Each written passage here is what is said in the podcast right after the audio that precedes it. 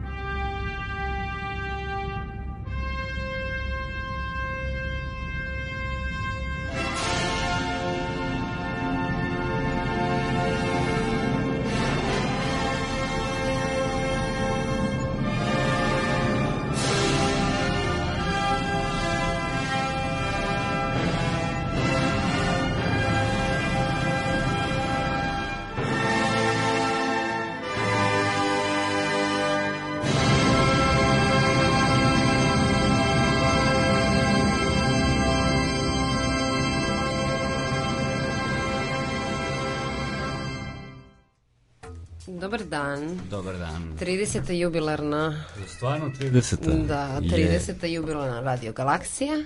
I puno, A- puno ljudi. Puno ljudi da danas imamo pored e, profesora doktora Milana Ćirkovića, tu je i gost Aleksandar Obradović. Možemo da kažemo naš, naš mladi Zdravo. perspektivni fiziolog. Odlično.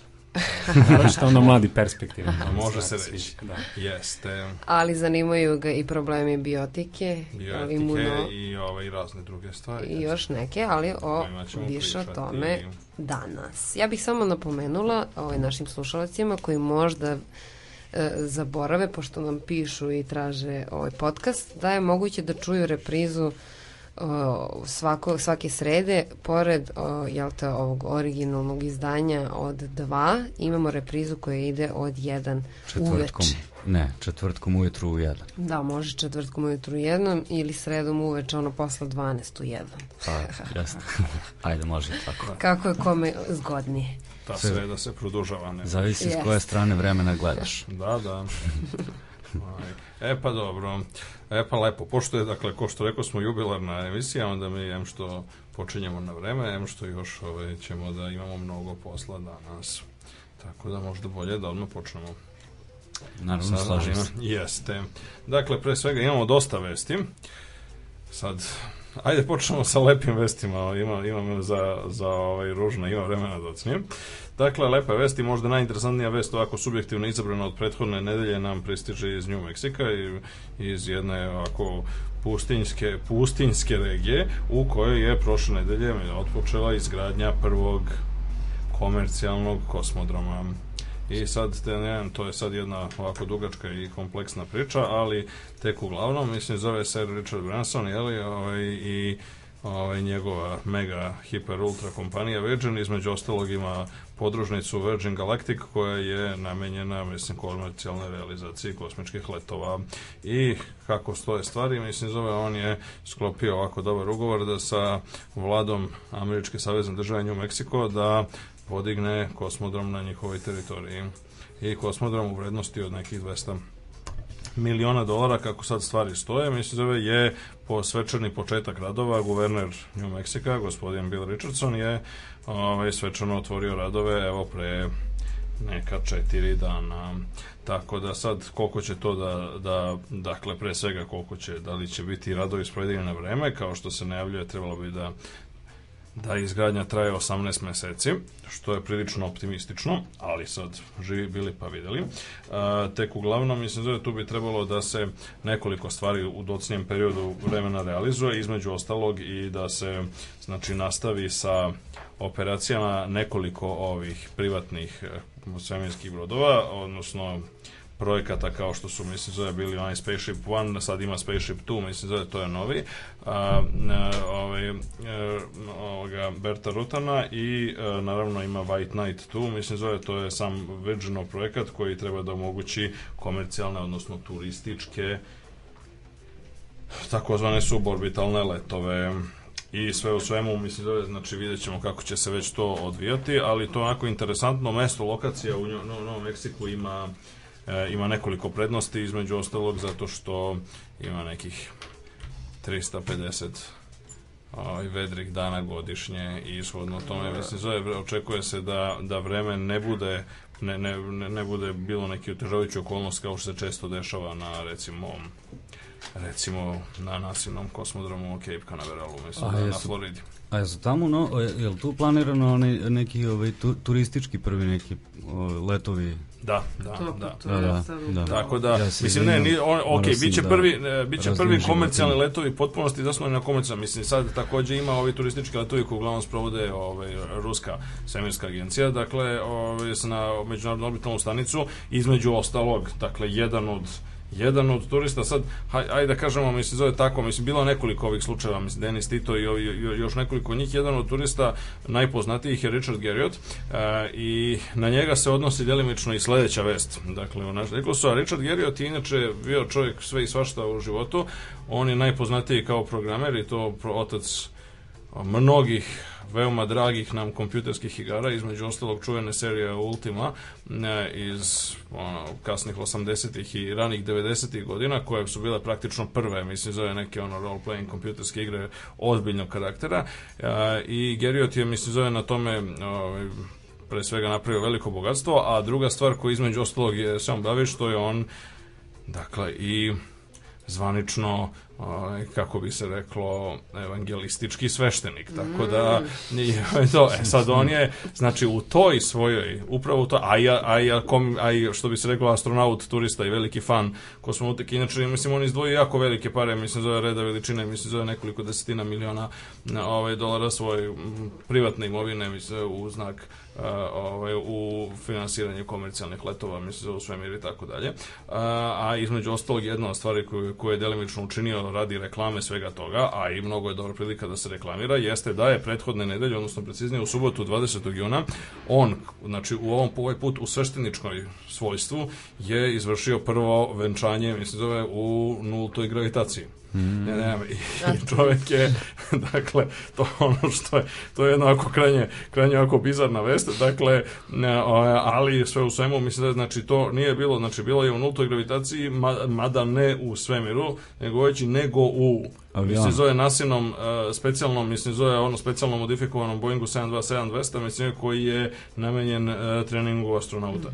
E, I koji može da postigne dovoljno, dovoljno ovaj, dugačke periode, mislim, zove bestižanskog stanja, da se o njima, mislim, zove može svašta uraditi. Dakle, ovaj, pored mladog para iz New Yorka, Noah Fulmore i Erin Finnegan, e, ovaj, koji su se venčali, dakle, u sad subotu, e, imali su i deset gostiju Ovaj, takođe ovaj, u bestižanskom stanju. A što da stvar bude još bizarnija mislim zove pored toga što je ono znači Geriot je predsedavao ceremonijom a, a oni su čak e, ovaj, i kako bi se reklo, mislim, zove venčani nakid su napravili od meteoritskog gvožđa, tako da, tako da stvar, mislim, zove time postaje ovako još zabavnija. Ovo je u svakom slučaju, da, sad, to, je prvo, sad ima, ima dosta ono, kao, to nije, to nije prvi takav slučaj, mislim da je to iskorišćeno za reklamu 2003. godine je formalno govoreći ruski kosmonaut Juri Malenčenko se ovaj, oženio u orbiti, ali nije, mislim, samo on je bio u orbiti, mislim, zove, ovaj, njegova izabranica nije bila prisutna, pa su se preko ovaj, video linka, a, ovaj, a u svakom ono što je činjenica jeste da još čekamo, mislim, zove pravo venčanje u svemiru, to se još nije desilo, ali ovo može 300 da... zvanica. Ovo može da, da I trubačima. ovo može da posluži kao jedna ovako zanimljiva proba. Kako trubači u vakumu, to ništa ne bi radilo. Ne, ne mogu da... Pa ne, radilo bi ako je normalan pritisak, mislim da Znam, to, znam, to ali- zavisi od pritiska vazduha. Doduše drugačije bi se čulo. Postoje postoje To je indikacije. zanimljivo. a, postoje indikacije da se znači a, znači zbog a, o tome e, može eventualno naš gost Aca da nam kaže nešto docnije. Postoje indikacije da se rad e, uva zbog toga što se tamo nalazi centar za ravnotežu, mislim zove je drugačiji u Vestibular, bestižinskom stanju nego, nego što je u, ovaj, na zemlji, pa onda shodno tome mogu stvari da se čuju drugačije, iako u suštini, mislim, zove, tu je važan vazduh, mislim. Naravno, postoji još jedan faktor, mislim, tu, a to je da se u svemirskim brodima zapravo ne koristi najčešće vazduh isteg sastava i iste vrste kao što je ovaj na zemlji. Da, da. Obično se tamo upumpavaju recimo neki inertni gasovi i tako dalje, mislim da je još a, a, kao, kao dodatak tome, tako da to onda deluje kao što se na kraju krajeva i muzički instrumenti drugačije čuju na, pod, na podmornicama, recimo batiskafima i drugim engleskim rodima. A, I sad još jedna vest koju ćemo, koja spada u ovu kategoriju lepih vesti, a to je da je u Jerusalimu, odnosno objavljeno da u utorak, 23. juna, to je juče, da je otkriven najveći do sada poznati e, podzemni kamenolom, aj tako se izrazimo, rudnik u svetoj zemlji koji potiče iz sa samog početka naše ere i koji sadrži neke od najstarijih, ako ne i najstarije hrišćanske simbole urezane na zidove. E, kako se ispostavlja, mislim da znači blizu e, čuvenog grada Jerihona na kontroverznoj zapadnoj obali mm, Jordana, a inače Jerihon je inače poznat kao e, verovatno najduže kontinuirano nastanjeno mesto na planeti. A, tamo su otkriveni svojevremeno, mislim, ostaci najstarijeg sloja Jerihona su datirani negde otprilike na oko između 7 i 8 hiljada godina pre naše ere. Neki kažu i 8200, postoji kontroverza oko toga. Znači, ovo je međutim novije karaktera, ali je otkriveno gotovo potpuno slučajno. Ono što je interesantno dok su znači tim istraživača sa univerziteta Haifa dok je pravio mapu mislim zove terena znači u blizini videli su neku rupu u zemlji i, i sasvim onako prozaičnog karaktera na koju nisu obraćali, koju su videli sto puta ranije, kako sami kažu, ali nisu obraćali pažnju, ali je prvi put, mislim da je tu, dakle, profesor Adam Zertal, koji je bio jedan od rukovodlaca i- istraživanja, mislim zove je, je ono, kao rekao, hajde da pogledamo, mislim zove ovde malo da, da vidimo šta ima i ispostavilo se kako stoje stvari da to nije tek obična rupa, nego da je otvor u, u dubok, mislim zove jedan, jedan jako dubok e, vertikalno, vertikalno okno koje se spušta, mislim, zove u čitav niz kaverni, mislim, zove ispod zemlje, koji su bile korišćene originalno u rimsko doba kao kamenolom. A, I ono što se ono što sad se oni nameravaju da pokažu jeste da kamen koji je očigledno vađen iz tog rudnika da je ugrađen u neki od e, inače poznatih e, znači objekata zgrada e, hramu Balbeku i druge stvari koje su bile izgrađene u, u to neko vreme generalno oko krajem stare i početkom nove ere u celom, u celom regionu Palestine i Bliskog istoka. A, a kako stoje stvari, kako oni ističu takođe u saopštenju sad, da li mislim zove radi iz marketinških svrha ili ne, a, znači te kaverne su onako impresivne i dovoljno dobro očuvane da imaju potencijal da postanu značajna turistička atrakcija. Tako da ćemo da vidimo šta će dalje da se dešava. Pratit ćemo... super prilog u nacionalnoj geografiji. Jeste, Da. to svakako mi se zove ili na Discovery i tako dalje. Znači, pratit ćemo šta se dalje dešava sa ovime.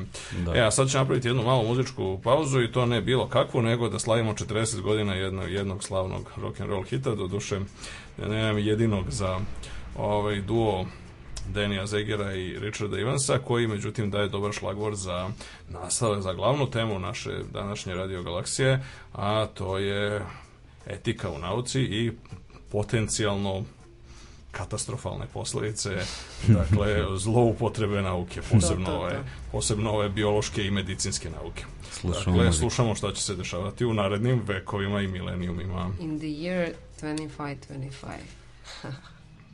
In the year 2525, if man is still alive, if woman can survive, they may find.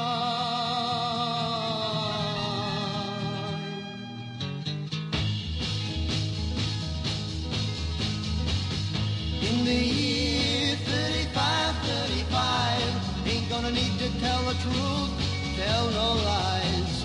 Everything you think, do, and say is in the pill you took today.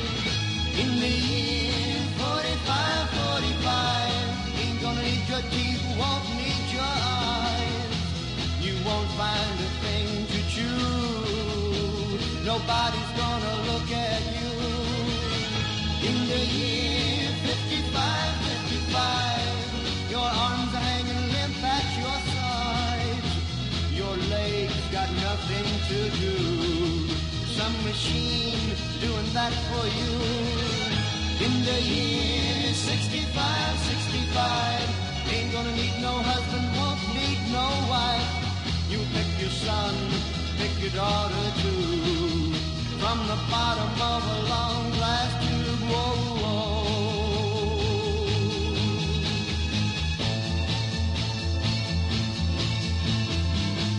In the year 75, 10, if God's a coming, he ought to make it by then. Maybe he'll look around himself and say, Guess it's time for the judgment day. In the year 85, 10, God is gonna shake his mighty head.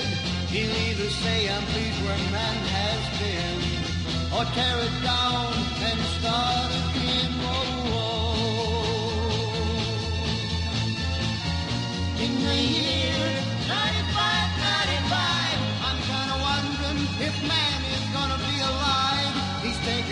everything this old earth can give, and he ain't put back nothing. Whoa, whoa. Now it's been 10,000 years. Man has cried a billion tears for what he never knew. Now man's reign is through, but through eternal night, the twinkling of starlight, so very far away, maybe it's only yesterday. In the year 25, 25, if man is still alive, if woman can survive,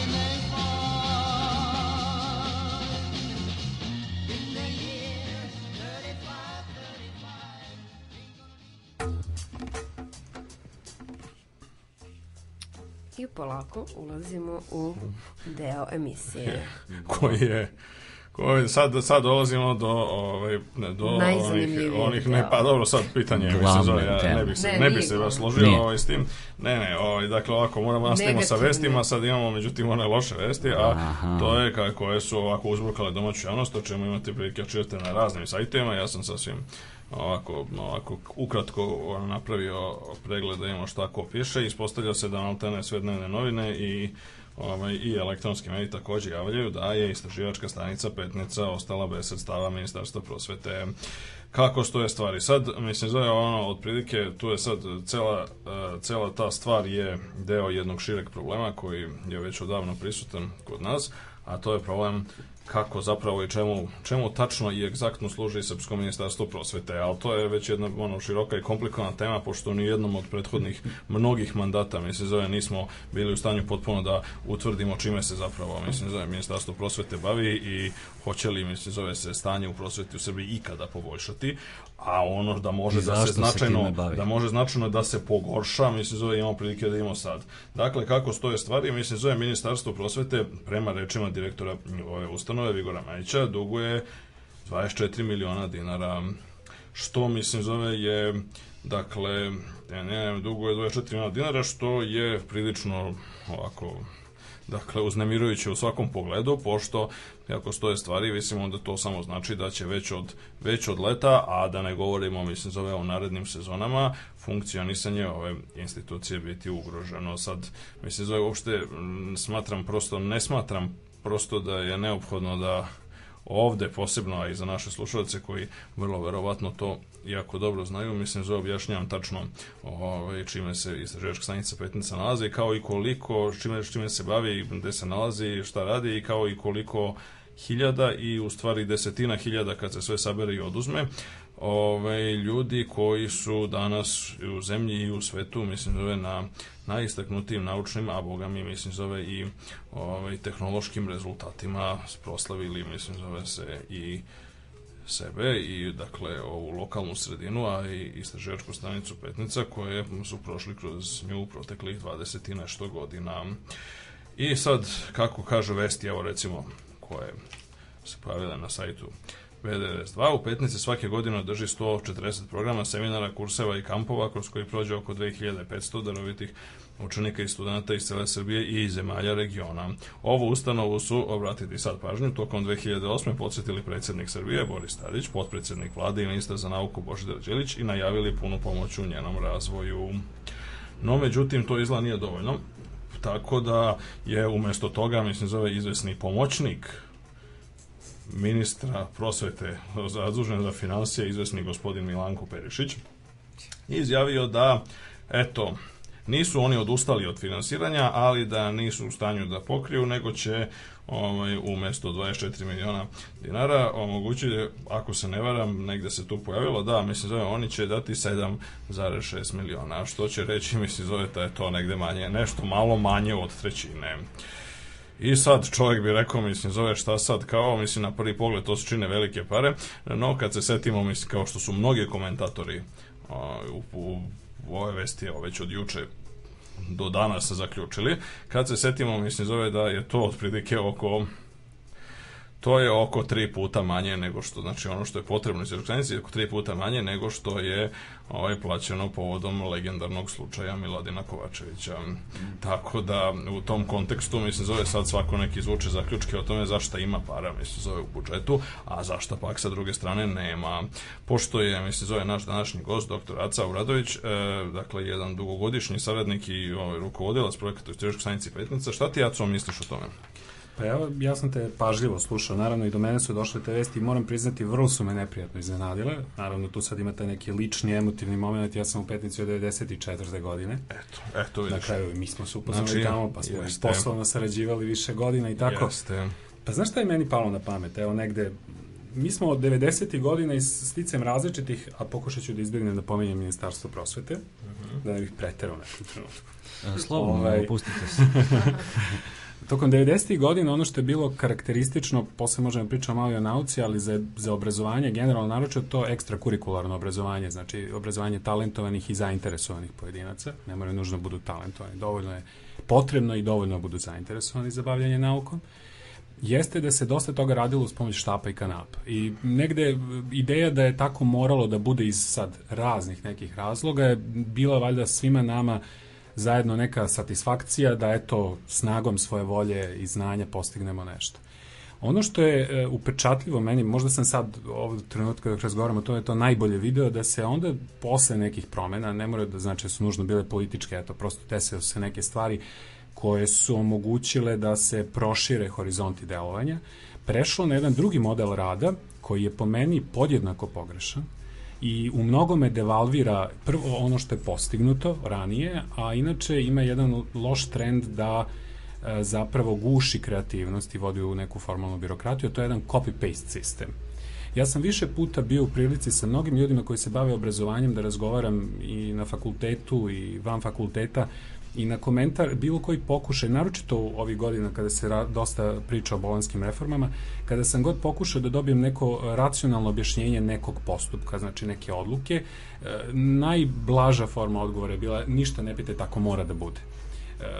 To pozivanje na, na neke stroge autoritete nekih, da- da kažemo, ono, sivih eminencija koje uglavnom su nebitno ovde ili napolju inostranstvu, nekih principa koji su unapred određeni da bi se postigao korak sa nečim što je nejasno i tako dalje, je nešto što generalno podsjeća na birokratiju. Birokratija je uvek e, stvar koja guši kreativnost.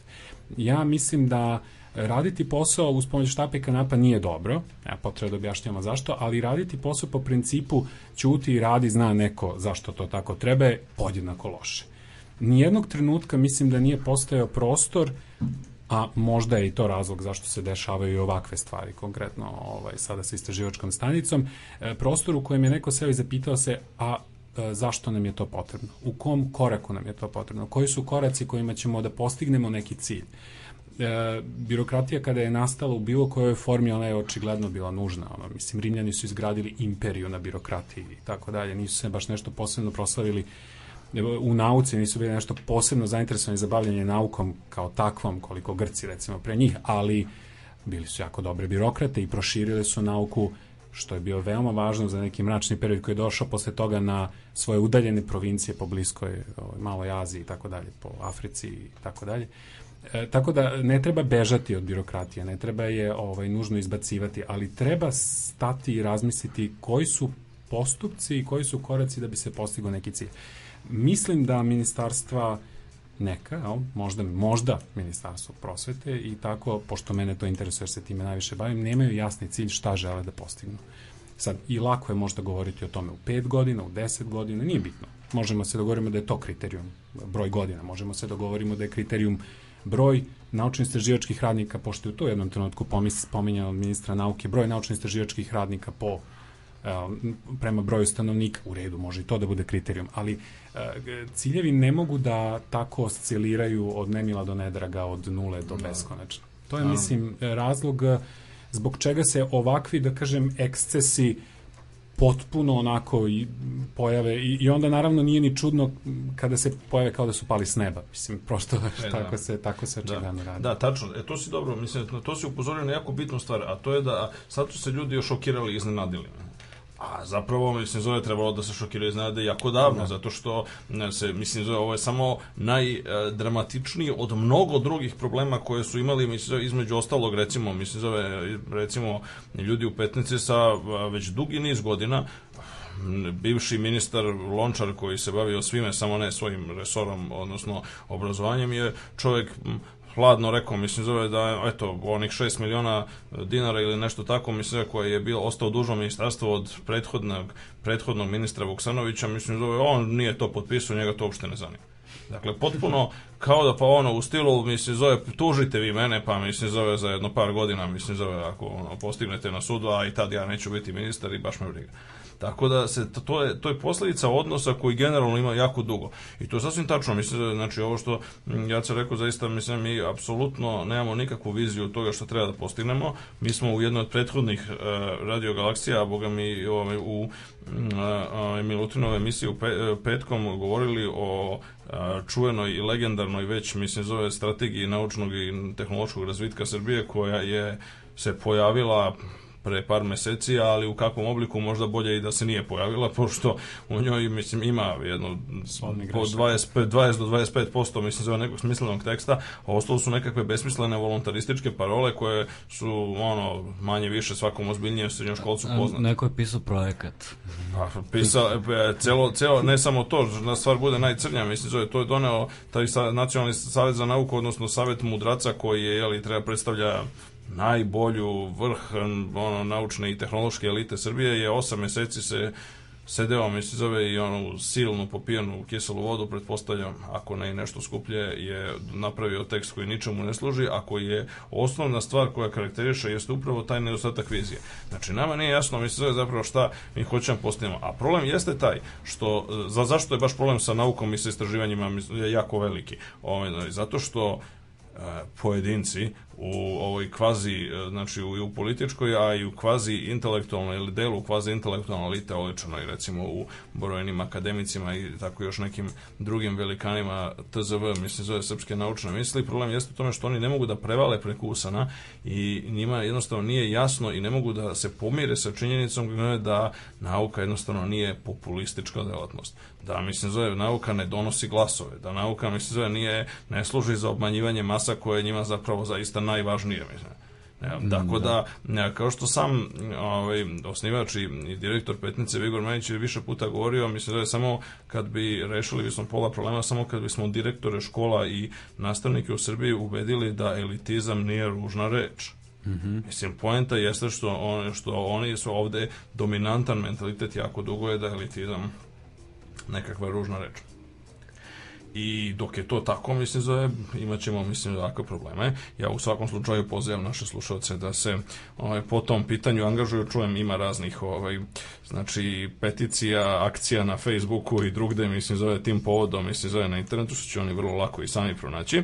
A ja bi još samo za kraj ovog dela vesti stavio ovo u kontekst jedne druge vesti. Sad, sad idemo, sad, gde mislite da Znači, ima, ima mesta na svetu, mislim, zove gde možete očekivati da je situacija, mislim, zove lošija nego u našim krajima. Jedno od njih je Irak, a sad evo šta nam stiže vest koja nam stiže iz Iraka, mislim, zove, dakle, od, od ponedeljka, mislim, zove kako, je li javlja Reuters u Iraku se od, je vlada sazvala konferenciju i lično, znači premijer Nuri Al-Maliki i njegovi savjetnici su pozvali na konferenciji zaveli, pozvali su e, znači nekih oko 700 a, univerzitetskih profesora i naučnih radnika koji su se vratili, mislim, zove u Irak nakon pada Sadama Huseina, sad vrlo bitna stvar, dakle, mislim, zove ono, Irak je imao i ranije, tokom dugo vremena, mislim, zove, je važio za jednu od e, naprednijih i pismenijih zemalja Bliskog istoka,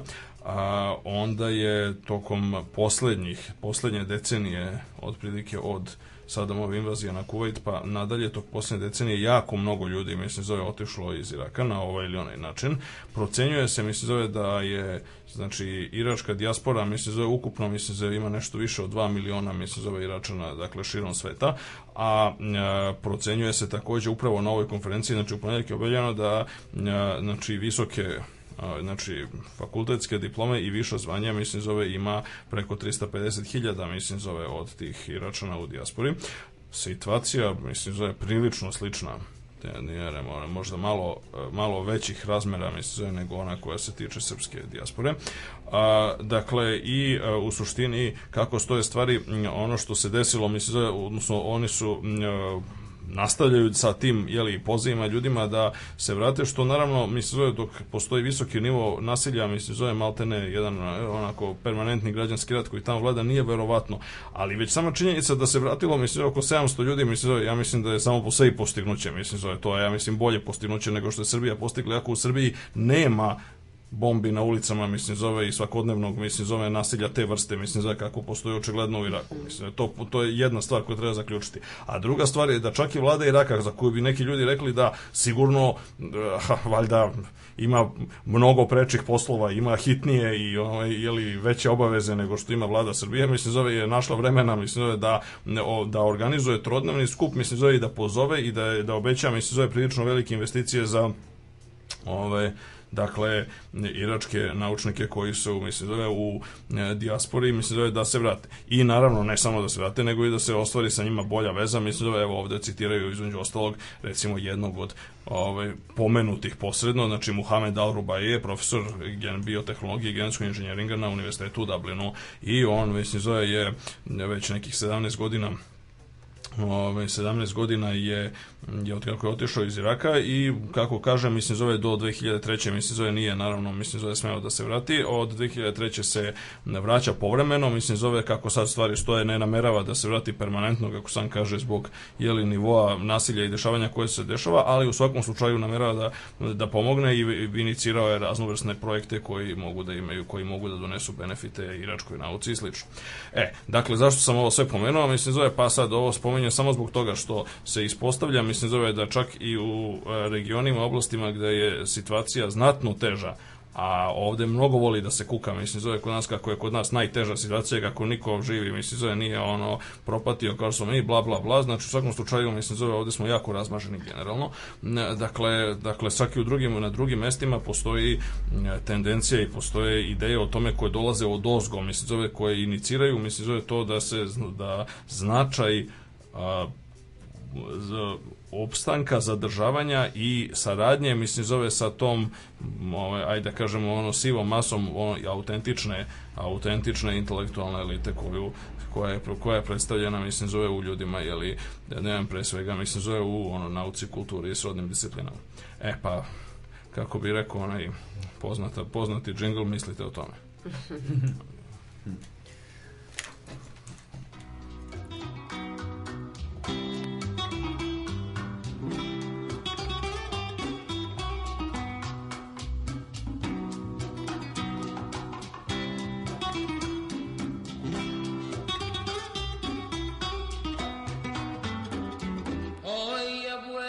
a pasar por aquel camino verde que por el valle se pierde. triste soledad. Hoy he vuelto a rezar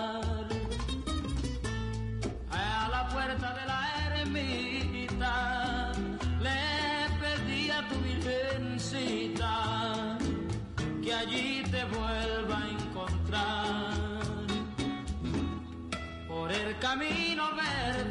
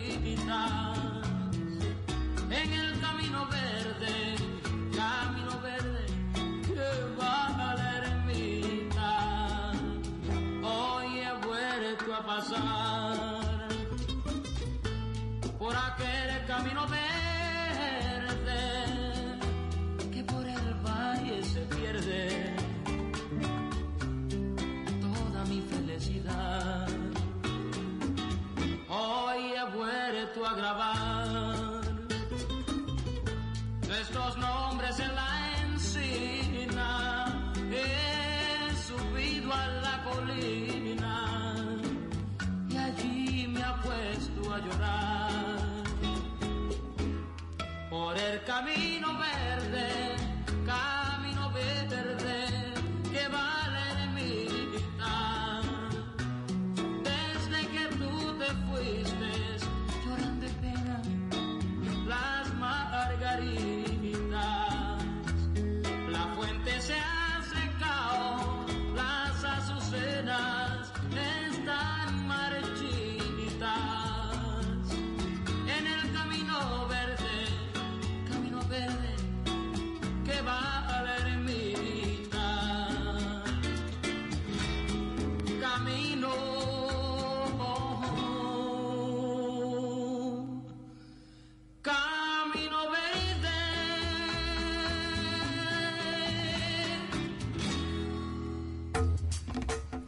Delimično vesela pesma. Jeste, to je bio Jose Feliciano, ovaj uzir budi rečeno, koga smo slušali i na samom početku Radio je. Galaksija neka davno, a ovo je bio jedan zeleni put, ovaj, kako bi se to reklo na španskom, inače Jose Feliciano koga ovaj, koji takođe proslavlja svoje velike jubileje pod stare dane je jedan od najvećih svetskih, ja bih rekao, muzičara, ona, gitarista, kantautora, šta sve ne, mislim da je čovjek koji peva na, na tri pa ponekad i više, više od tri jezika, o, španskom, italijanskom i engleskom i čovjek koji je, što je najinteresantnije od svega, jedan pravi primjer kako se može uspeti sa teškim hendikepom, pošto je on slep od rođenja.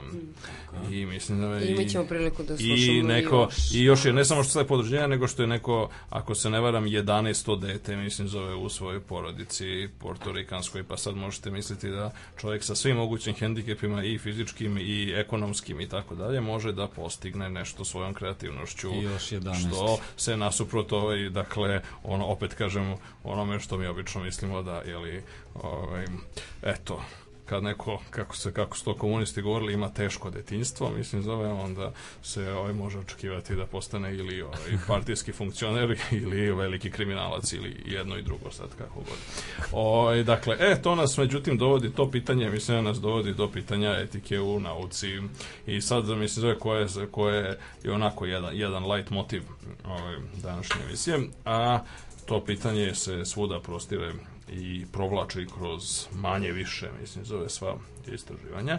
I pre nego što ovaj Damre Čaci koji je tu najpoznatiji pošto se najrelevantnije stvari ovaj znači se e, dakle najver, najrelevantnije stvari u vezi sa pojavama etike i, i odsustva iste u nauci dešavaju u kompleksu onoga što bi se nazvalo life sciences, odnosno nauke o životu, a ovaj, konkretno one, o ljudskom životu, dakle medicinskim naukama, ono što a, bi napomenuo za početak jeste da na prvi pogled, na prvi pogled se etika drastično razlikuje i obično se standardno razdvaja od etički iskazi od naučnih po tome što su etički iskazi preskriptivni, a naučni deskriptivni. Šta to tačno znači? Pa, a, znači, a, naučni iskazi se odnose na opis nečega sad bilo to znači fenomen u prirodi bilo naše objašnjenje tog fenomena u prirodi ili a, već naša teorijska konstrukcija koju koristimo da bismo objasnili fenomen i predvideli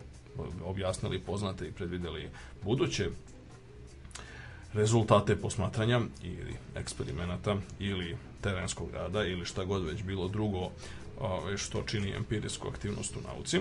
Dotle, sa druge strane, preskriptivni etički iskazi se odnose na, imaju formu treba da ili do- dobro je da ili mislim zove znači ne nešto, nešto, a da nešto treće, mislim zove i tako dalje, znači oni opisuju preskripcije, odnosno uh, sugestije, uh, uputstva, propise, recepte, ovaj, kako nešto treba raditi. Sad to nešto može biti, mislim zove to nešto što se na taj način reguliše, može biti upravo i upravo naučni rad. Sad, u, to sa jedne strane znači da su etika i nauka razdvojene saznajno, ali sa druge strane znači da je očigledno, mislim zove postoji a, do, postoji značajna dovoljno a, dovoljno opravdanja za uspostavljanje čak i posebne, ne, hajde da kažemo, podoblasti, mislim zove, koja se zove naučnom etikom i sad u različitim naukama je to različita stvar, u ovome što smo rekli biološkim, odnosno naukama o životu, to je bioetika o kojoj sve češće govori. A, još jedna vest koju nismo naveli u ovim vestima, koja je relevantna za ovo pitanje, jeste da je a, nova američka administracija, predsjednik Obama nedavno pre nekih, ako se ne varam, desetak dana a, raspustio bioetički savet koji je formirao njegov prethodnik George Bush, ne zbog toga što sad to njega ne zanima, nego zato što je dakle, će umesto njega biti osnovno novo telo. Bushov bioetički savet je bio ovako čudna, kojem je dugo vremena predsedavao poznati filozof Leon Kass, koji je bio kontroverzna ličnost po mnogim stvarima, jedan briljantan intelektualac sa jedne strane, mislim zove ekstremno ekstremno obrazovan čovjek, ekstremno sposoban juridut, a sa druge strane veoma konzervativan i po nekim, u nekim shvatanjima, mislim, zove čak i ono konzervativniji od samog predsjednika Busha, mislim, zove i, njegove politike, tako da je, su iskazi, znači, saopštenja, mislim, zove Bushovog bioetičkog savjeta, bila ovako, oni su bili vrlo interesantni tekstovi za čitanje generalno, oni su objavili čak i nekoliko knjiga, koje sadržavaju različite tekstove, oni nisu bili monolitno iza te konzervativne agende, oni su imali do, dosta rasprava o tim pitanjima, posebno pitanje koja su pitanja bila za njih relevantna. Pa jedno od relevantnih pitanja je naravno, mislim, zove u Americi večno e, političko pitanje abortusa i sad bioloških argumenata i medicinskih argumenata za i protiv. Drugo pitanje je, je bilo je vezano za eutanaziju, odnosno razne vrste onoga što se jeli zove assisted suicide i tako dalje, znači kada se, da li je to, mislim, zove da ili ne, jeli, ovaj, onda korišćenje matičnih ćelija kao možda najaktuelnija stvar po kojoj se po kojoj se, se taj Bushov bioetički a, i istakao, mislim, zove svojim žestokim protivljenjem istraživanjima na korišćenju na bio, ovih matičnih ćelija, a, što je interesantno s obzirom na činjenicu da čak ni ta, hajde da kažemo, konzervativna Amerika nije u tom pogledu bila jednodušna, zato što između ostalog, recimo Nancy Reagan, udovica pokojnog predsjednika Ronalda Reagana, ah, koje, kome niko, a ni njoj takođe ne može zameriti, mislim zove da su ono, suviše liberalni ili tako nešto, je uputila pismo svojim kolegama republikancima da bi zapravo trebalo, mislim, zove da budu malo opušteni i liberalni u pogledu istraživanja baziranih na korišćenju matičnih ćelija, zato što je navela primer između ostalog je rekla, eto, mislim, zove možda bi, jeli, ovaj, njen muž, a njihov idol, mislim, zove Ronald bio i dalje sa, sa nama, ili bi barem u svakom slučaju ne bi, mislim, zove onako poslednje godine života proveo praktično vegetirajući, mislim, zove kao ono biljka, da su razvijene metode terapije bazirane između ostalog na, na, na matičnim ćelijama. E, dakle, ima mnogo etičkih pitanja, mislim, zove koja se zna. Jedno od etičkih, jedno od aspekata etike u nauci jeste da etička načela olakšavaju praktični rad naučnika, znači to je jedna bitna stvar do koje ćemo doći i naravno, mislim, zove da su je neka od narušavanja etike u nauci poznata je li kao falsifikati, prevare, podvale i tako dalje. Aco, šta ti misliš, ovaj, dakle, u kom smislu, uh, gde bi trebalo početi sa prezentacijom hajde da kažemo, kad bi trebalo da ovaj, obrazujemo učenike, ljude, polaznike, istraživač sanice, petnice i tako dalje, gde bi trebalo početi sa prezentacijom ovaj, etičkih sadržaja u nauci? E, to je to je jedno pitanje koje spada u grupu večitih pitanja znači znači teško je dati neki konačan odgovor znači možda je najkorektnije dati jedan dovoljno dobro jasno ograničen odgovor odnosno polje delovanja i probati da se disciplinovano i dosledno toga držimo. Posebno kada radimo u edukaciji znači kada pokušamo nekoga tome da naučimo. Moj stav je pošto ovaj od negde mora da se krene da se malo samo nadovežem na prethodnu priču i da zapravo smestim uh, celu priču vezanu uh, za značaj etike u naučno-istraživačkom radu upravo u taj, da kažem, uh, neki suštinski nivo koji je vezan za uh, upravo edukaciju one elite koja će u jednom trenutku se baviti naučno-istraživačkim radom i vrednovati isti. E, u tom smislu jasan osjećaj, jasno objašnjenje šta bi to bio kvalitetan e, etički sud, sud o nekom naučno-istraživačkom radu i njegovim implikacijama je jako teško objasniti jer ga je jako teško prebaciti na papir. E, znači, prosto ne možemo staviti nekoliko desetina, stotina ili hiljada tačaka koje je potrebno ispoštovati da bismo bili sigurni da implikacije koje naš istraživački rad u jednom trenutku može da pokaže mogu biti neetičke, odnosno e, etičke. U tom smislu e, može da se deluje samo na tome da se razvija jedna kvalitetna svest o vođenju računa da ono što mi radimo u datom vremenu i prostoru postoji i naravno i u jednom socijalnom miljeu i generalno etička načela i proizilaze iz socijalnih fenomena i imaju cilj da uspostave na neki način kvalitetne relacije između pojedinaca, članova društva ili jedne zajednice. I toga negde trebamo da budemo svesti. E, Dakle, e, komponenta logičkog, intelektualnog je podjednako važna kao kompoten- komponenta emotivnog i socijalnog. E, S te strane, negde mislim da je generalni princip i jedna možda, evo, tu tačku mogu da izvojim ovako jačno, jasno, e, važna jeste doslednost. E, e, pokušaj da se e, skače znači sa problema na problem ili sa rešenja na neko drugo rešenje su najgore što može da se desi kada se prati znači jedan sistem i generalno obrazovanju je najgore ukoliko se dešavaju nagli prekidi naravno izuzeci su ekstremni u tom slučaju je to potrebno uvek je poželjno da prelazak sa jednog sistema rada na drugi bude koliko je to moguće postepen sa posebno da kažem kritikom onoga što nije valjalo u prethodnom sistemu Pa daj nam neki primer, ako recimo baš iz, Da. da. kažemo, ovih medicinskih nauka. Ali imaš neku pomoć da mi daš, pošto ne znam, sad sam otišao u misli daleko, ovaj... Pa, u kom smislu, recimo, dakle, u kom smislu mi govorimo o, a, recimo, zloupotrebi i u kom smislu se, recimo, osporava od strane konzervativnih krugova, recimo, rad sa matičnim ćelijama? Pa ide se sa idejom da je moguće da se zloupotrebi taj genetski materijal, znači sam po sebi, pa sve do kloniranja, znači do mogućnosti da se ovaj e, e, prosto raspolaže sa materijalom na, da kažemo, na etični način u bilo kom smislu. Sad, počevo od e, delova genetskog materijala do celog genetskog materijala, što bi u tom slučaju bilo je moguće napraviti novu jedinku, naravno koliko je to moguće.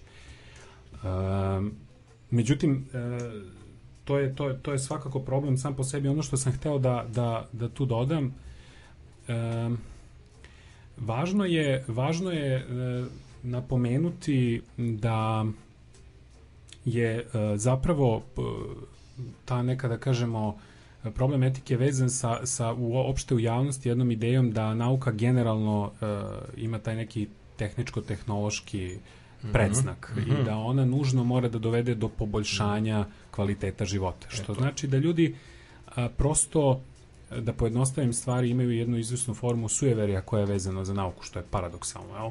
A, Dakle, da nauka sama po sebi mora da bude pozitivna i da mora da donese nešto bolje. E, Nauka sama po sebi nema apsolutno takvih, takvih ciljeva pred sobom, niti u principu može da se direktno neki zaključak iz toga izvuče. Ono što e, se dobija u kvalitetu života je zapravo upotreba nauke u određenim okolnostima u odre, sa određenim ciljem. E, na tom mestu zapravo etika ima najveći značaj. Znači, sad evo, pada mi na primjer možda vrlo, vrlo klasičan e, primjer atomske energije, koji sa jedne strane može vrlo pametno da se iskoristi, a sa druge strane evo, može da bude iskorišćen za proizvodnju a, oružja. E, u, u samoj medicini, malo pre pomenuti primjer sa matičnim ćelijama i generalno sa izvorima biološkog materijala koji osnovno imaju genetski materijal, a, može da bude upotrebljena za pravljanje a, pojedinačnih tkiva ili čitavog organizma, može koristiti se u istraživačke svrhe kao najrelevantniji model, sistem za praćenje nekih poželjnih i neželjenih efekata, određene biomanipulacije, ne mora to nužno da bude terapija, može da bude nešto iz osnovnih istraživanja, dakle nekog mehanizma signalizacije ili tome slično. I u, kada se posmatra iz te perspektive to je sasvim u redu, ali postoji opasnost od nemogućnosti kontrolne aberantnih pojava u manipulaciji tim materijalom, recimo virusa i tome slično, što takođe potpada pod etičke probleme i e, onda opet dosledni princip može da upadne ovako kao pomoć, to je u redu, ako se kaže da ta opasnost postoji. Znači, e, svaka vrsta e, sakrivanja mogućih neželjenih događaja zapravo e, predstavlja najveći etički problem. Ja sam ubeđen da to je potpuno lično ubeđenje i nisam siguran da je negde potkrepljeno sa nekim, nekom jasnom literaturom koja se baš time bavi. Ja generalno u, u ljudsku dobrotu ne verujem u, na toj nekoj kategoriji uspostavljanja nekih jasnih principa kojih se strogo treba pridržavati, jer sistem je suviše složen, na kraju krajeva ima nas mnogo. Na, očigledno je sad već jako malom prostoru, što samo po sebi iz, je stvar e, razvoja jednog stresa i frustracije, tako da je e, možda potrebno raditi na komunikaciji. Znači, dobar put u dobijanju e, dobrih etičkih principa jeste prvo uspostavljanje dobre komunikacije među svim e, relevantnim konstituentima, da kažem, takvog jednog prostora u kojem se bavi neko naučno-istraživačkim radom i e, u kojem se ispoljavaju njegovi efekti, konkretno između zajednice naučno-istraživačkih radnika i onih, da kažemo, kompetentnih i nekompetentnih laika. E da, to je pitanje, znači to je popularizacija nauke, public outreach i uopšte os, osmišljavanja naučne pismenosti generalno. Ne, Evo kao jedan primer, još pre nego što o, ponovo ne zasviramo, evo jedan primer, mislim zove takođe koji smo, e, znači na sajtu ćete naći zagonetnu ilustraciju koja predstavlja jednog šarenog Mickey Mouse-a. Sad na prvi pogled čini vam se kao kakve to veze ima, pa znate, to, to je podsjeća na jednu od većih afera, zapravo neki bi rekli, mislim, prvu modernu ovako veliku medicinsku aferu, mislim, zove sa znači jednom velikom prevarom, a to je da je tokom 1973. i 74. godine u Sloan Ketteringu institutu za rak u Njorku, znači jednom od vodećih onkoloških institucija na svetu, tada mladi, briljantni, veliki talenat po imenu William Summerlin je e, tvrdio da je rešio problem znači odbijanja transplantiranih tkiva. I sad te ne, on je tvrdio da je moguće znači transplantirati tkivo sa genetski nepovezanog donora bez pojave odbi, odbacivanja tkiva, što je potencijalno jedan glavnih uzroka smrtnosti, ja time ispravi ako grešim tokom Da. da. reakcije, operacija, transplantacije i slično. Da. E, e, Summerlin je imao nekakvu proceduru i pokušao je sad, pošto je to njegovo tvrđenje bilo suviše spektakularno da bi e, da bi se eto tako prihvatilo na reč, onda su njegove kolege insistirale na tome da se izvrši neka vrsta ključnog eksperimenta i on je imao jednu lepu populaciju belih miševa, a imao je i populaciju crnih miševa i onda je to koji su bili znači genetski potpuno nepovezani donori, onda je on tvrdio da je transplantirao uspešno e, delove kože, mislim zove sa crnih miševa na bele i pojavili su se bele miševi sa što bi se reklo crnim oblastima, što bi rekli zakrpama. I 74. godine on je u kabinetu svog pretpostavljenog šefa, mislim, instituta, do poznatog imunologa doktora Guda, mislim, je demonstrirao te svoje miševe sa zakrpama kao rezultat uspešne transplantacije bez imunološke reakcije.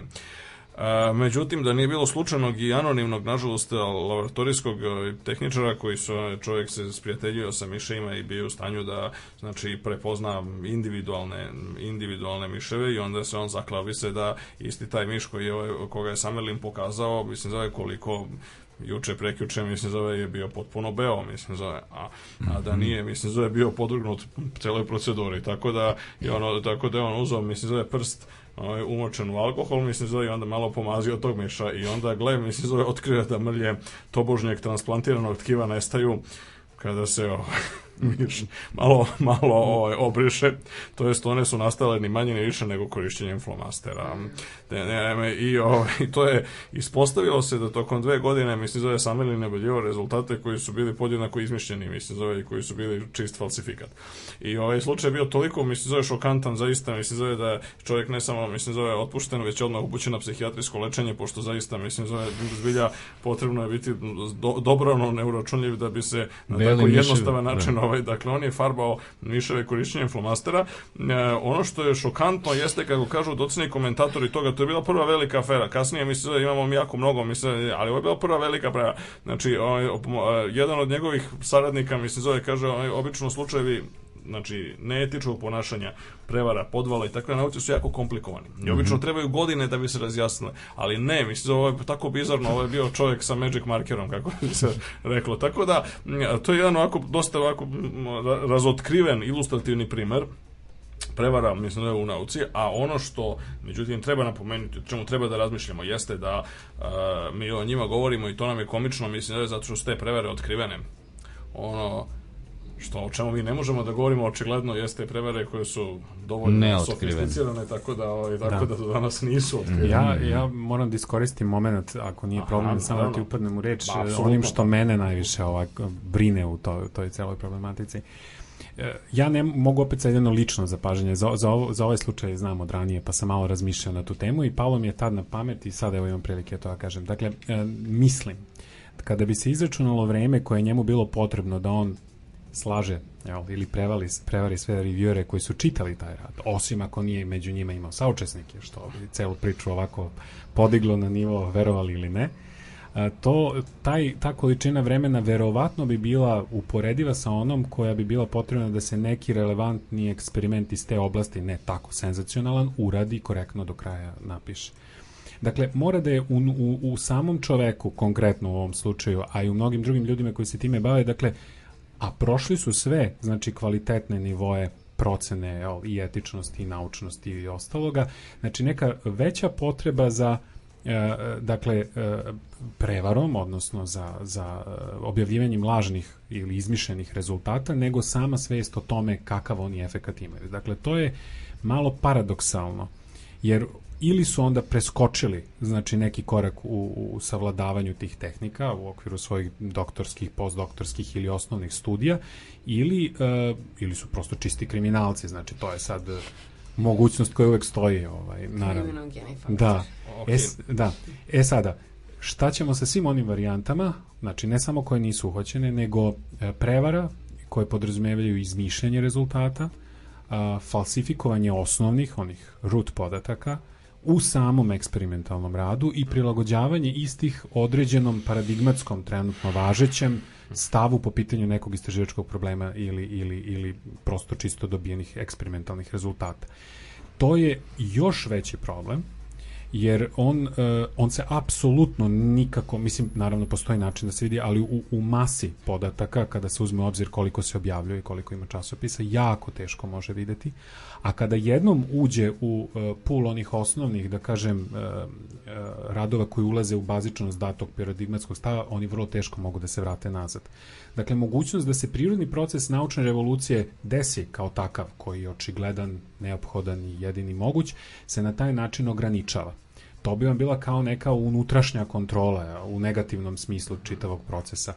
Um, dakle, evo, KGB, Termin unutrašnje, da ter, termin unutrašnje kontrole je ovako interesantan, pošto možemo, mislim, zove, možemo da porazmislimo o tome, recimo, kako je to na nekakav uh, različit način rešeno u nauci u odnosu, na primjer, na umetnost ili sport, ali o tome možda opet nakon jedne posle. muzičke numere. Može.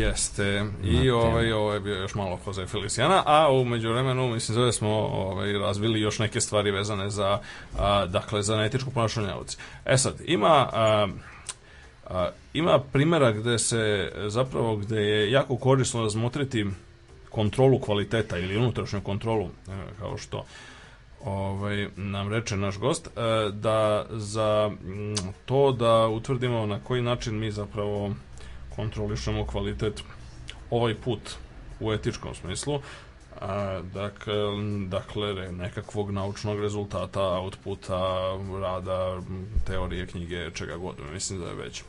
A, korisno je porediti uporediti to sa umetnošću. Umetnosti postoji specifična postoje zasebne profesije postoje specifične vrste ljudi koji se zovu likovni kritičari muzički kritičari književni kritičari i tako dalje. Mislim, zove znači razni kritičari raznih žanrova e, koji se eksplicitno bave čiji je zadatak koji žive od toga da e, ocenjuju kvalitet odgovarajućeg umetničkog, znači likovnog, književnog ili kakvog god drugog izlaznog proizvoda, odnosno output.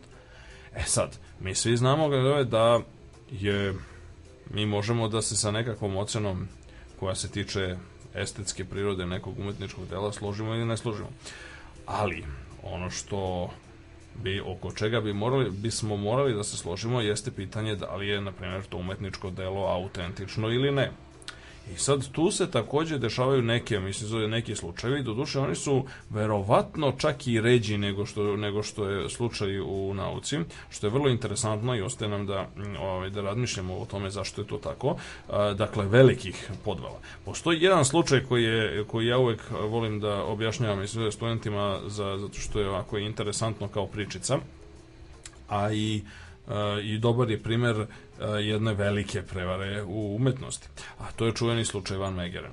E, Naime, kada se završio drugi svetski rat 1945. godine, između ostalih stvari e, su oslobođena je Holandija, koja je bila pod nemačkom okupacijom i između ostalog je oslobođena i e, vila nemačkog visokog nacističkog funkcionera Reichsmaršala Hermana Geringa, koji je imao jednu od vila u Holandiji i u kojoj je sakupljao, pošto je on samog sebe se smatrao velikim poznavalcem umetnosti i velikim ovaj, ljubite, ljubiteljem umetnosti, on je sakupljao razna umetnička dela.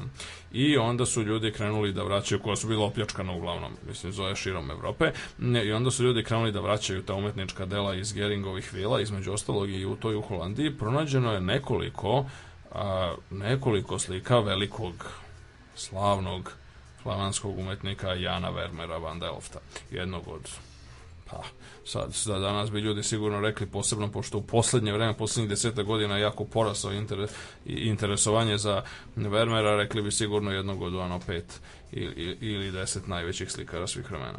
A, ispostavilo se, mislim, zove da je te slike Gering za divno čudo legalno kupio, I onda je holandska policija se zainteresovala da vidi ko je to, mislim zove, ko je prodao, ko je ostvario materijalnu dobit na trgovini sa okupatorom i ko je ovaj okupatoru prodao, mislim zove, nacionalno blago.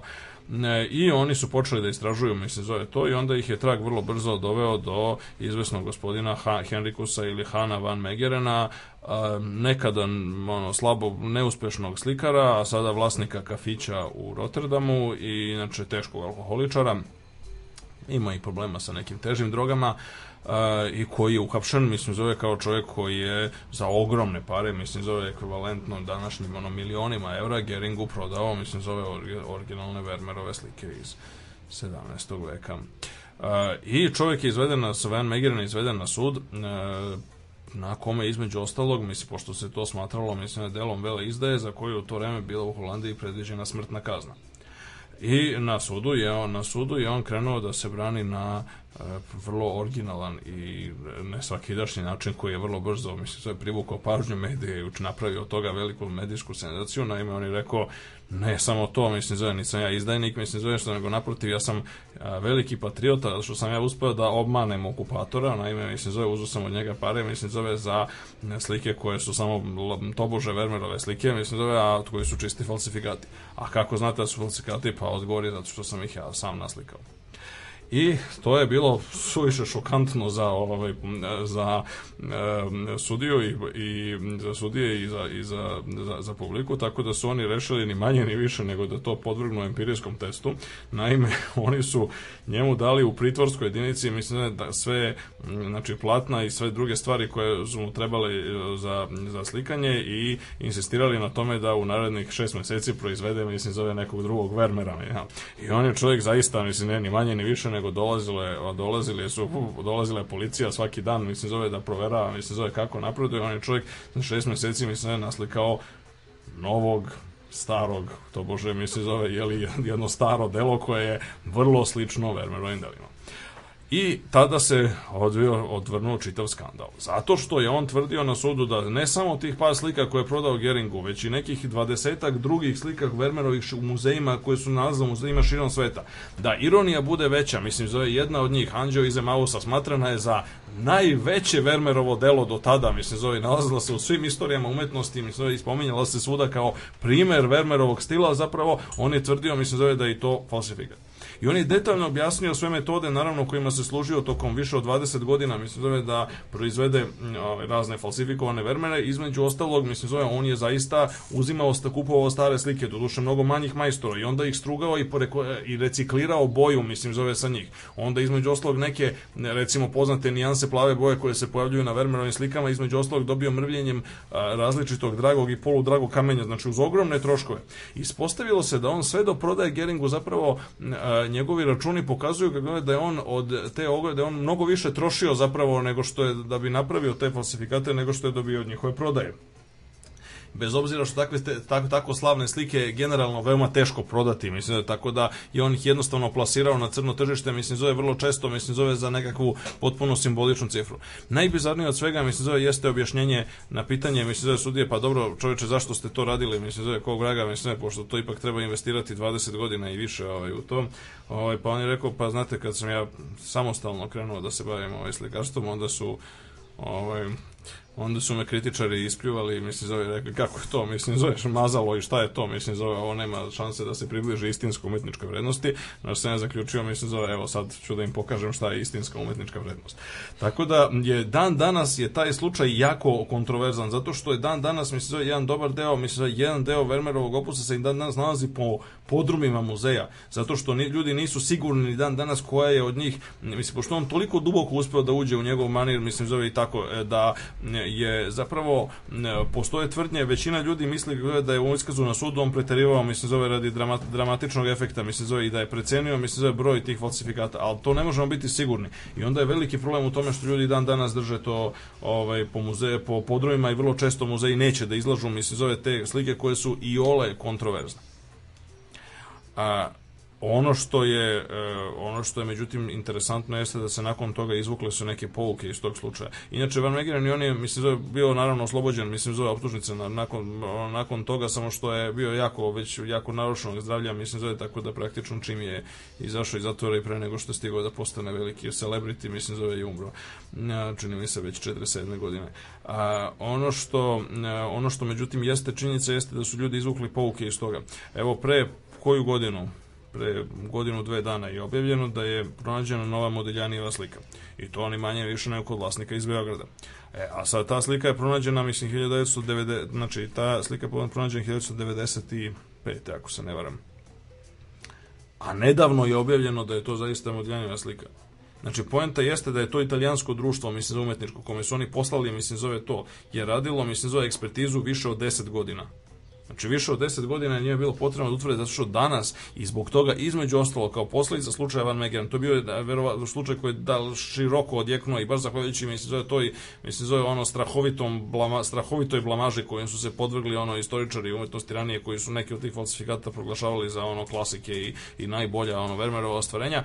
Zahvaljujući tome je sad ta ekspertiza postala ekstremno dugačka, detaljna, mislim da je skupa, mučna i tako dalje. Tako da danas otkriti mislim nekog od tih starih majstora, mislim zove može, ali se u svakom slučaju može se desiti da umrete pre nego što to bude dokazano. E, tako da je to se dešava jednostavno jako sporo. Kažem, za ovog Modiljanija e, je bilo potrebno više od 10 godina, mislim, zove ekspertize. Tako da u tom kontekstu, znači očigledno je da se na neki način postiže nekakvo učenje i napredak u tome.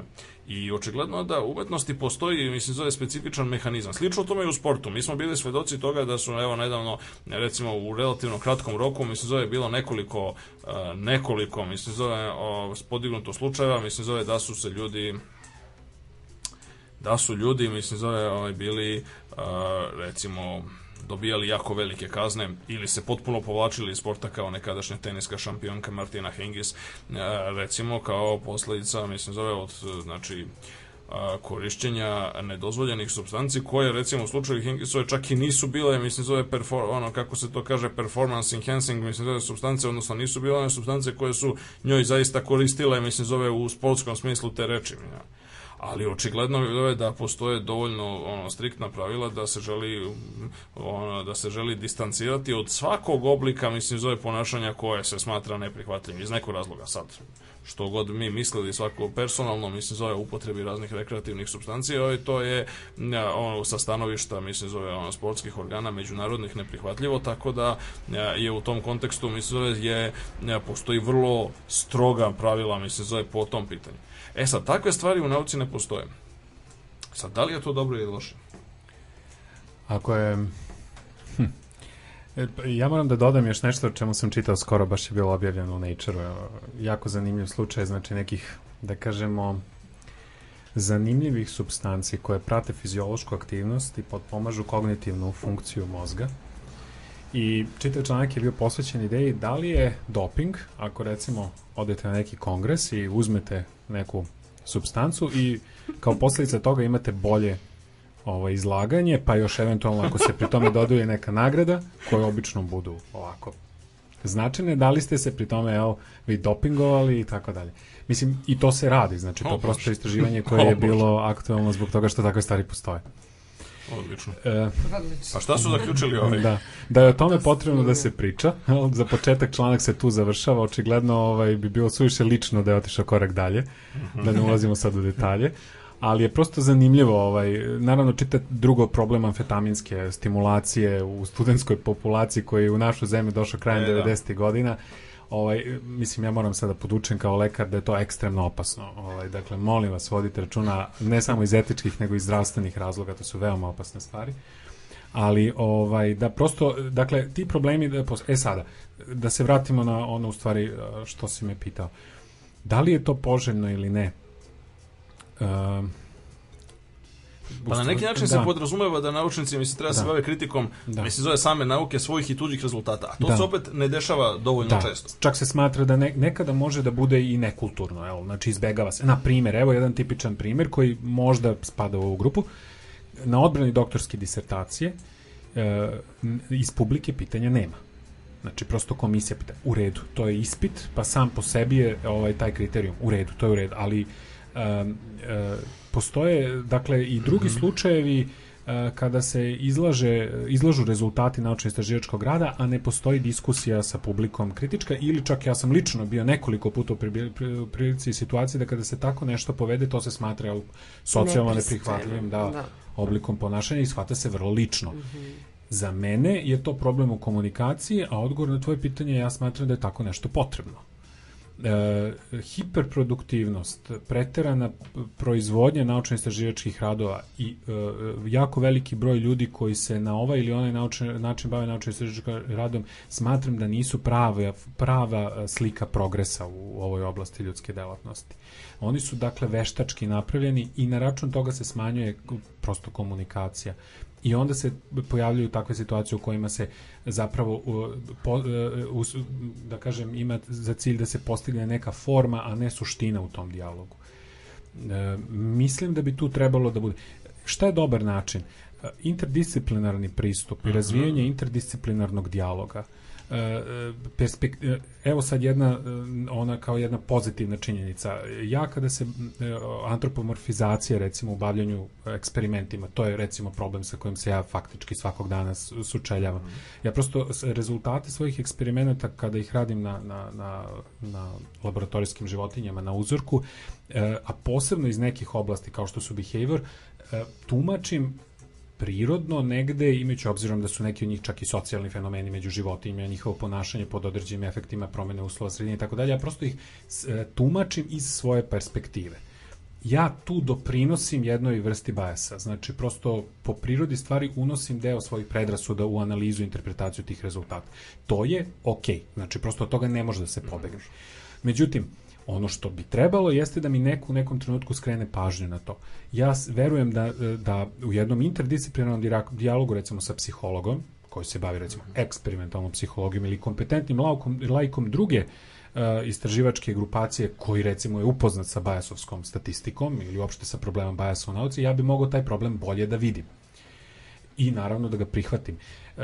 I o, naravno tu isto ima jedna, jedna, jedna stvar koja je opet sa onim tehno, tehnološko-tehnološkom idejom vezanom za, za naučno-istraživački rad problem, e, što se podrazumeva da nauka zbog te svoje e, formalne egzaktnosti koju zahteva podrazumeva i krajnju egzaktnost, znači apsolutno tačnost sa onim velikom istinom koja sve objašnjava.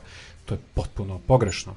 Znači, nauka upravo je izrasla kao, znači, sama po sebi u tom svom formalnom segmentu kao opozit takvom stavu da postoji jedna konačna istina sa velikim i. Da. Dakle, e, proces kao takav je primarno važan, a njegovi efekti su sad ono što može da se prati.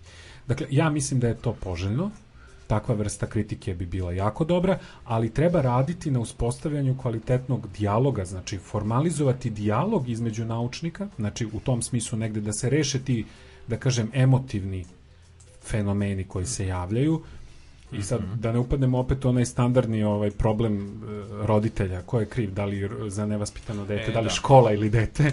E, da. Ovaj, ja mislim da, evo, kao istraživač mogu kažem da smo kao svi, kao zajednica deo tog, tog problema. Jeste, jeste i to je to je jako aktuelno pitanje zato što vrlo često se dešava da ljudi e, čak i koji e, su recimo počinili velike prevare, ovaj to nisu sasvim počinili sami i ne samo to, nego da su čak njihovi šefovi, mentori i drugi mislim da je bili srećni da učestvuju, odnosno saučestvuju u tome, mada možda i be, znači bez svesti o dakle neetičkoj prirodi te, te aktivnosti, ali su jednostavno bili srećni da, da poberu neke beneficije i rezultate, mislim, zove koje bi potencijalno poticali iz toga.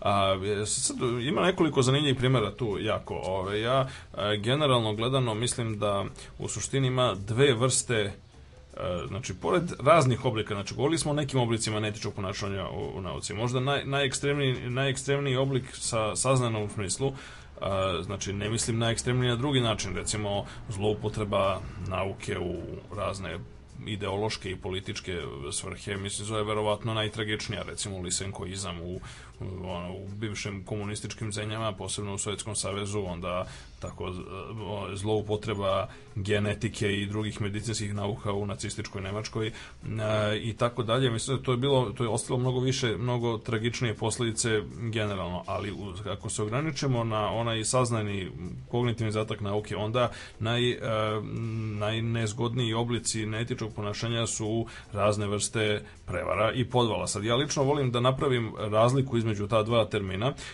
odnosno smatram da, pošto po analogiji sa engleskim terminima hoax i fraud, e, smatram da recimo hoax koji bi se najbolje preveo kao podvala je uglavnom nešto što je manjeg e, ranga opasnosti, ima nekoliko svojih karakteristika koje ga, koje čine ovaj, različito od onoga što je fraud, a što je prava prevara i baš mislim zove onaj, onaj najopasniji oblik falsifikovanja, izmišljanja rezultata i slično. Podvale su često onako zabavne u najmanju ruku. Recimo, dobar primer, mislim, zove, dobar primer toga, mislim, zove, jeste radiodrama Orsona Wellesa, mislim, zove, iz 1937. godine, koja je koristeći drugog Wellesa, samo sa malo Herberta Georgea, samo sa malo različitim spelovanjem, ima jedno i ekstra kod Orsona, a, ovaj, je zapravo je na neki način ovaj, skrenula pažnju ljudima na nekoliko stvari, pre svega na ono, moć medija u manipulaciji, a drugo, mislim, zove na raširenost ideje o životu van zemlje, konkretno na Marsu, mislim, zove u, u to doba.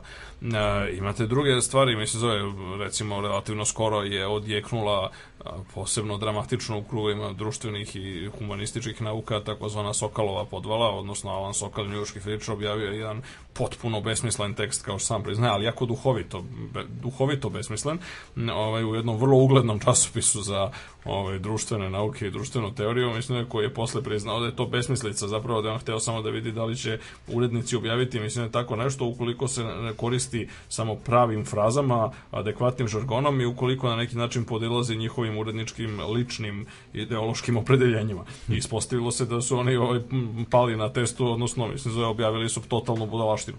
E, I ovaj, to je onda, znači, kao iz toga, recimo taj primer, koji striktno gledano jeste neetički, mislim da, ali pokazuje da u, nekakvom širem kontekstu, mislim, zove podvale mogu imati čak i nekakav društveno koristan karakter. Zato što se recimo nakon te Sokolove podvale se rasponsala po meni veoma zdrava diskusija i debata o tome koji su to standardi, mislim, zove re- recenziranja, objavljivanja i tako dalje i da li su standardi recimo u e, nekim disciplinama lošiji nego u nekim drugim.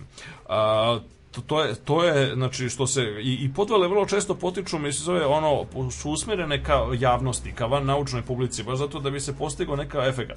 Sa druge strane one prave prevare odnosno frauds su mnogo ozbiljniji problem zato što one potiču od profesionalnih profesionalnih naučnika one su usmerene ka naučnoj javnosti one su uh, striktno govoreći vi ako ste bili obrazovan čovjek, mislim zove i slušali ovaj ono slušali uh, Orsona Wellesa na primjer, vi ne biste mislim ako ste ono razuman e, obrazovan i kritički entisan čovjek, vi ne biste, mislim, zove, ono, uzeli stvari i pobegli Da, da, da. kuće, mislim, zove, i tako dalje, jednostavno. E, a tako da u nekom smislu reči, zarad tih, za te podvale, isto tako, kad čitate taj Sokalov tekst, pa mislim, zove, ono, kao što on sam priznaje, pa svaki ozbiljniji student, pogotovo prirodnih nauka, će odmah da prepozna da se radi o besmislici, mislim, zove, i odmah da se smeje, da počne da se smeje. A m, ono što je, međutim, karakteristika, to, karakteristika prevara, odnosno onoga što, što bi se na engleskom zvalo fraud, jeste što je striktno govoreći, mislim, zove obrazovanje i relevantno za njihovo prepoznavanje. Ako niste, mislim, zove slučajno radili baš isto to, vi nećete biti u stanju da prepoznate, mislim, zove ta, mislim, zove lažni, laž je tu maskirana u potpunosti, mislim, zove onime čitavim, eh, čitavim nivoima razumevanja konkretnog problema o, kojima, o kome se radi. I a, u suštini prevare je jako teško otkriti, zato što mislim zove treba da e, treba da radite baš na istim tim problemima, što je danas gotovo nemoguće, jer danas u epohi velike nauke kad vi treba da uložite, mislim sad vi nešto pronađete i zašto ste potrošili na projektu za koji ste potrošili recimo 50 miliona evra. Sad da li će neko drugi da nekom drugom da 50 miliona evra ili više, mislim zove da, Da testira, da te proveri to isto, pa neće, mislim, zove svako, mislim, ono čim komisija vidi, recimo, vi tražite grant da proverite nešto što je ugledni naučnik XY u vrlo uglednoj laboratoriji ili na institutu, mislim, zove već uradio, pa neće niko da vam da velike pare za to. Da, da. I, ovaj, I to je, znači, vrlo ih je teško otkriti. A, ali, to, ali one prate istoriju nauke. Ja recimo lično smatram da, evo, mislim, je, na, na, najbolji primer koji je poznat iz antičkog sveta je primer Klaudija Ptolomeja, koji se standardno smatra najvećim astronomom antičkog sveta, a koji je, čiji je bar jedan deo, jedan deo rada, mislim, zove bio prevaranskog karaktera. Zato što, mislim, zove, na, ima nekoliko primjera, gde je on e, vrlo bezobrazno, mislim, zove falsifikovao rezultate tobožnjih posmatranja koje verovatno nije nikada ni izvršio. E, primer, Znači, on je oko njegovo glavno delo, poznato pod, kao Almagest, je bilo kao kompendijum i skup svih astronomskih znanja antike i sa njegovim nekim posmatranjima, doduše malobranim. E, a ta malobrana posmatranja e, su vrlo često bila lažna. Mi možemo da kažemo, on recimo navodi primjer kako sam kaže da je pažljivo posmatrao jesenju, iznadlak i zalazak sunca na jesenju ravnodnevnicu 26. septembra 139. godine naše ere, koja danas znamo se odigrala više od 36 sati ranije mislim. Da. Dakle, e sad šta je interesantno, što na prvi pogled kad bi bilo, kad bi samo to bila cela istina, onda bismo rekli ok, čovjek je pogrešio, mislim zove promašio je, mislim zove ono vreme i tako dalje. U to vreme i- onako bilo teško meriti vreme na precizan način, imali su neke ono vodene časovnike, peščane časovnike i tako dalje. Bilo je to teško no, ovaj, uradi, uraditi, mislim pa je onda čovjek promašio. Ali nije samo to kraj priče. E, ono što je zanimljivo što danas može da se uradi zahvaljujući napretku ovaj, računarskih tehnika, zahvaljujući mislim zove jeli osobine osobini astronomskih pojava da su jednostavno toliko pravilne i pouzdane da mi možemo da vratimo unazad ono časovnike i da pomerimo unapred utvrdimo i možemo da vidimo da ono što je Ptolomej napisao da je posmatrao, je zapravo izraz njegove ekstrapolacije, odnosno njegovog, a, njegovog računa na papiru iz algoritma koji je tri veka pre njega dao veliki grčki astronom Hiparhis Nikeje za jeli predviđanje ravnodnevnica. Šta je ono, šta je zapravo, šta, to znači? To znači kako je zapravo da Ptolomej zapravo nasuprot tome što je tvrdio uopšte nije mu padlo na pamet da izlazi nešto na, na, na poljanu brdo ili ovaj u pustinju da nešto posmatra, nego je on jednostavno uzeo Hiparhov algoritam, mislim zove i samo ga mehanički primenio, potpuno zaboravivši činjenicu da se tokom tri veka, mislim zove, akumulirala dovoljna razlika koja je pomerila, mislim zove vreme posmatranja, tako da, ne, tako da što omogućuje da ga, kako bi se reklo ovako, ovim žargonom provalimo, mislim zove. Tako da, tako da je, ovaj, no. I to je mnogo interesantno, zato što pokazuje, danas je, danas je recimo, ne, nemoguće je to dokazati egzaktno, mislim zove, pošto prošlo je 2000 godina skoro Ali jasno je da je recimo Ptolomej a, radio dve stvari koje bi se danas smatrali nedopu, nedopustivim. Jedna stvar je, e, mislim, zove štelovao je, što bi se svoja posmatranja na ovaj način kao što je, mislim, zove toga. A druga stvar, prisvojuje mnoge rezultate, mislim, zove ranih astronoma, između ostalog baš upravo Hiparha, a, kao, i objavio ih kao svoje. E sad, te dve stvari su, mislim, zove danas, mislim, zove no, no, apsolutno ono, u svakom pogledu. Znači, a, o, među, u antičkom svetu to nije bio slučaj, mislim, zove u potpunosti, zato što o, ono prvo, naravno, mislim, zove da je izmišljanje rezultata, mislim, zove i podešavanje rezultata, mislim, zove naravno da, da je uvek najtečko ponašanje. Međutim, ovo drugo je, i treba voditi računa o tome, e, znači, prisvajanje tuđih rezultata nije bio greh, mislim, zove, i nije se smatralo negativno u antičkom svetu, zato što u antičkom svetu nije postojao pojam intelektualne svojine. Pojam intelektualne svojine je nastao tek u renesansi, u, u evropskom, ajde da kažemo, civilizacijskom krugu, a, koji pre toga ranije u antičkom svetu, ne samo da a, knjige nisu imale ni naslove, a nisu imale, mislim, zove ni ime, ni ime autora. Znači, to su obično tek post festum su oni pripisivali, mislim, zove nekome, pa su rekli ovo ono, nigde, ne, ni na jednoj knjizi antičkog sveta, mislim, zove ne piše jasno, mislim, zove ko je autor. Oni su tek kasnije su oni neki dolazili gramatičari, bibliotekari i tako dalje u pozno, pozno e, rimskom i helenističkom svetu i kasnije tokom renesanse naravno pa su rekli je vidi ovo je napisao ovo, ovo je ono, ovo je Platon, ovo je Aristotel i tako dalje. O, ne. A, tako da ne, antički svet nije poznavao, njima je bilo, njima je bilo bitno samo da, e, da neke stvari jednostavno budu objavljene i budu dostupne i budu cirkulisane. Da je Hiparh bio živ u Ptolomejevo doba i da je video svoje rezultate mislim objavljene u velikoj Ptolomejevoj knjizi, on bi rekao super, sjajno, baš mi je drago zbog toga, mislim zove, evo vidiš, mislim. ne. Tako da taj pojam jednostavno treba ne, ne treba stvari e, čitati po današnjem ključu, ne treba mislim zove stavljati da današnje vreme u centar sveta, a, nego jednostavno mislim zove razumeti da to. No međutim jasno je da neke stvari mislim zove jednostavno ostaju. To što je on izmišljao posmatranje jednostavno to to jeste nedopustivo i to je pravi primjer da prevare mislim zapravo mogu da jako dugo traju zato što mislim zove je e, mi smo zapravo tek ono relativno skoro u 20. veku i sa razvitkom računara mislim zove bili koji mogu da vraćaju raspored planeta, zvezda, sunca, meseca, izlaske sunca, meseca, koliko god hoćete nazad i sa podi, proizvoljno velikom preciznošću, tek tada sa- sad smo shvatili zapravo, mislim, zove u čemu je, da, da, tu, da tu postoji nekakav problem. Mm, Da, nešto nije bilo u redu. Idemo malo na muziku.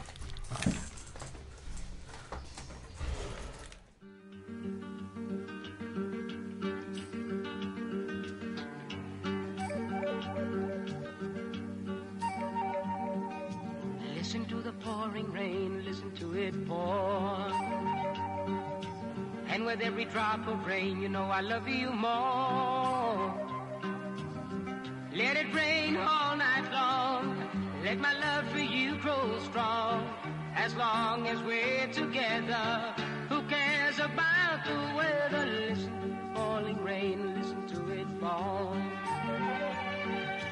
And with every drop of rain, I can hear you call. Call my name right out loud. I can hear above the clouds and down here among the puddles. You and I together huddle. Listen to the falling rain. Listen to the rain.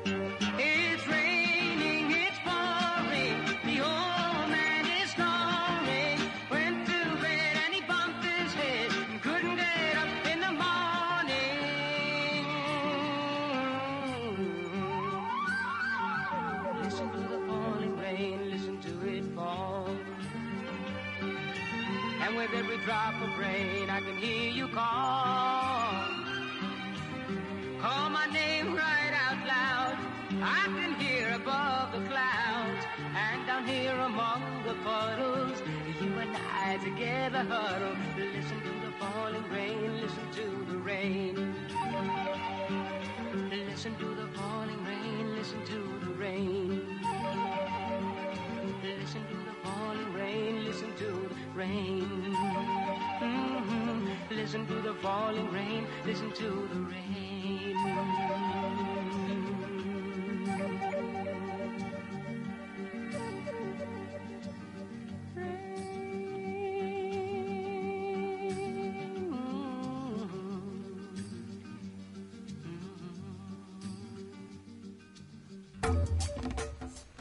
Kratka pauza da se ne ohladimo.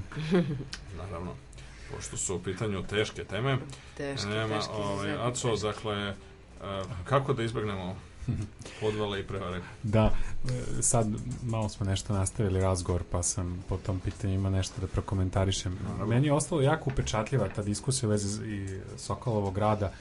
Dakle, nešto od tih dodatnih informacija. Rad je bio objavljen u jednom vrlo uticajnom uh, humanističkom časopisu, mislim da se zove Social Sciences. ili Social text. Text, ja mislim tako, tako nešto. Tako, tako, tako, social text. I uh, zapravo on je bio objavljen u specijalnom broju koji se zvao Science Wars, ako se ne varam, koji je baš bio posvećen dakle uh, razvijanju inter, interdisciplinarnog dijaloga između humanističkih i prirodnih nauka.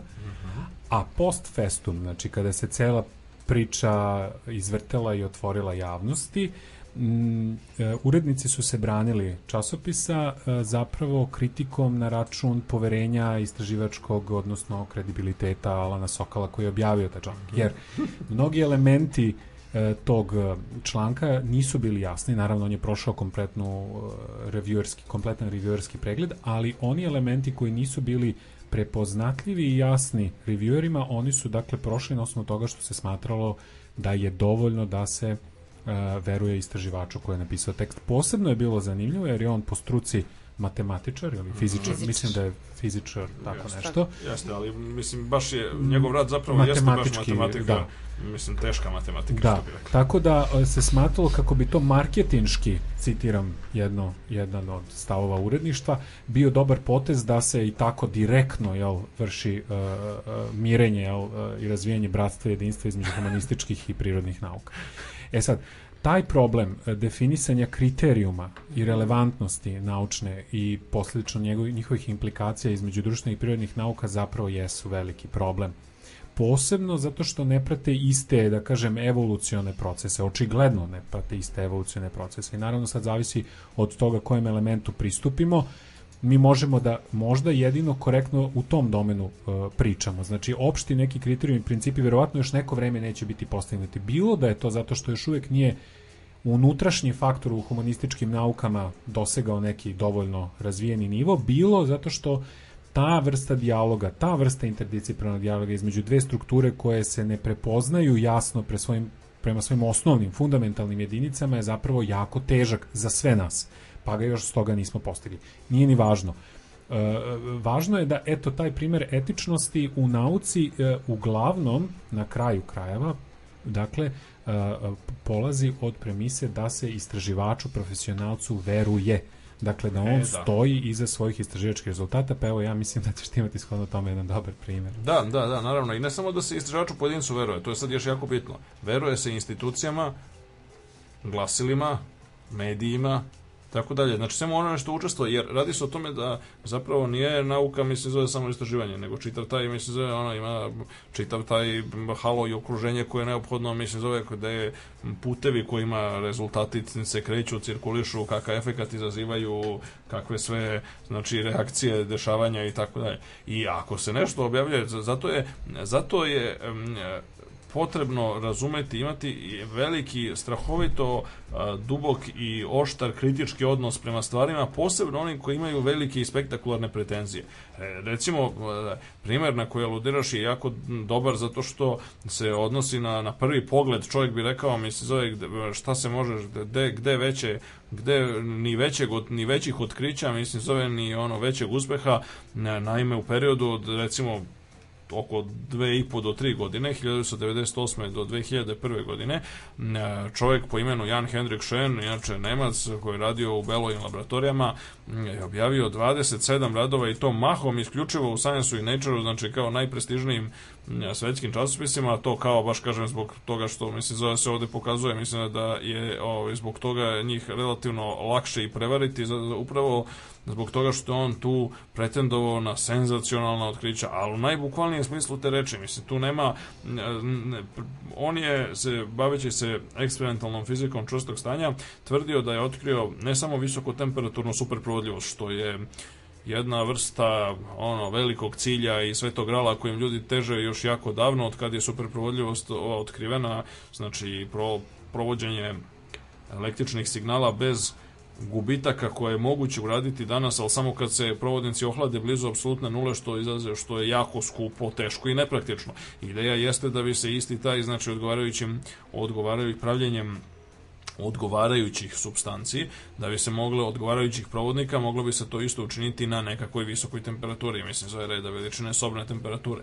Ko otkrije superprovodljivost na sobnoj temperaturi, taj će dobiti Nobelovu nagradu s mesta i mislim ne samo to, nego verovatno će postati on najbogatiji, ako ne i najbogatiji čovjek na svetu, zato što na kraju krajeva, mislim zove praktično e, svi električni uređaji koliko nas koji funkcionišu, mislim zove se baziraju na provođenju sa gubicima, provođenje bez gubitaka bi dovelo, mislim zove do potpune revolucije u svemu tome, to je jasno.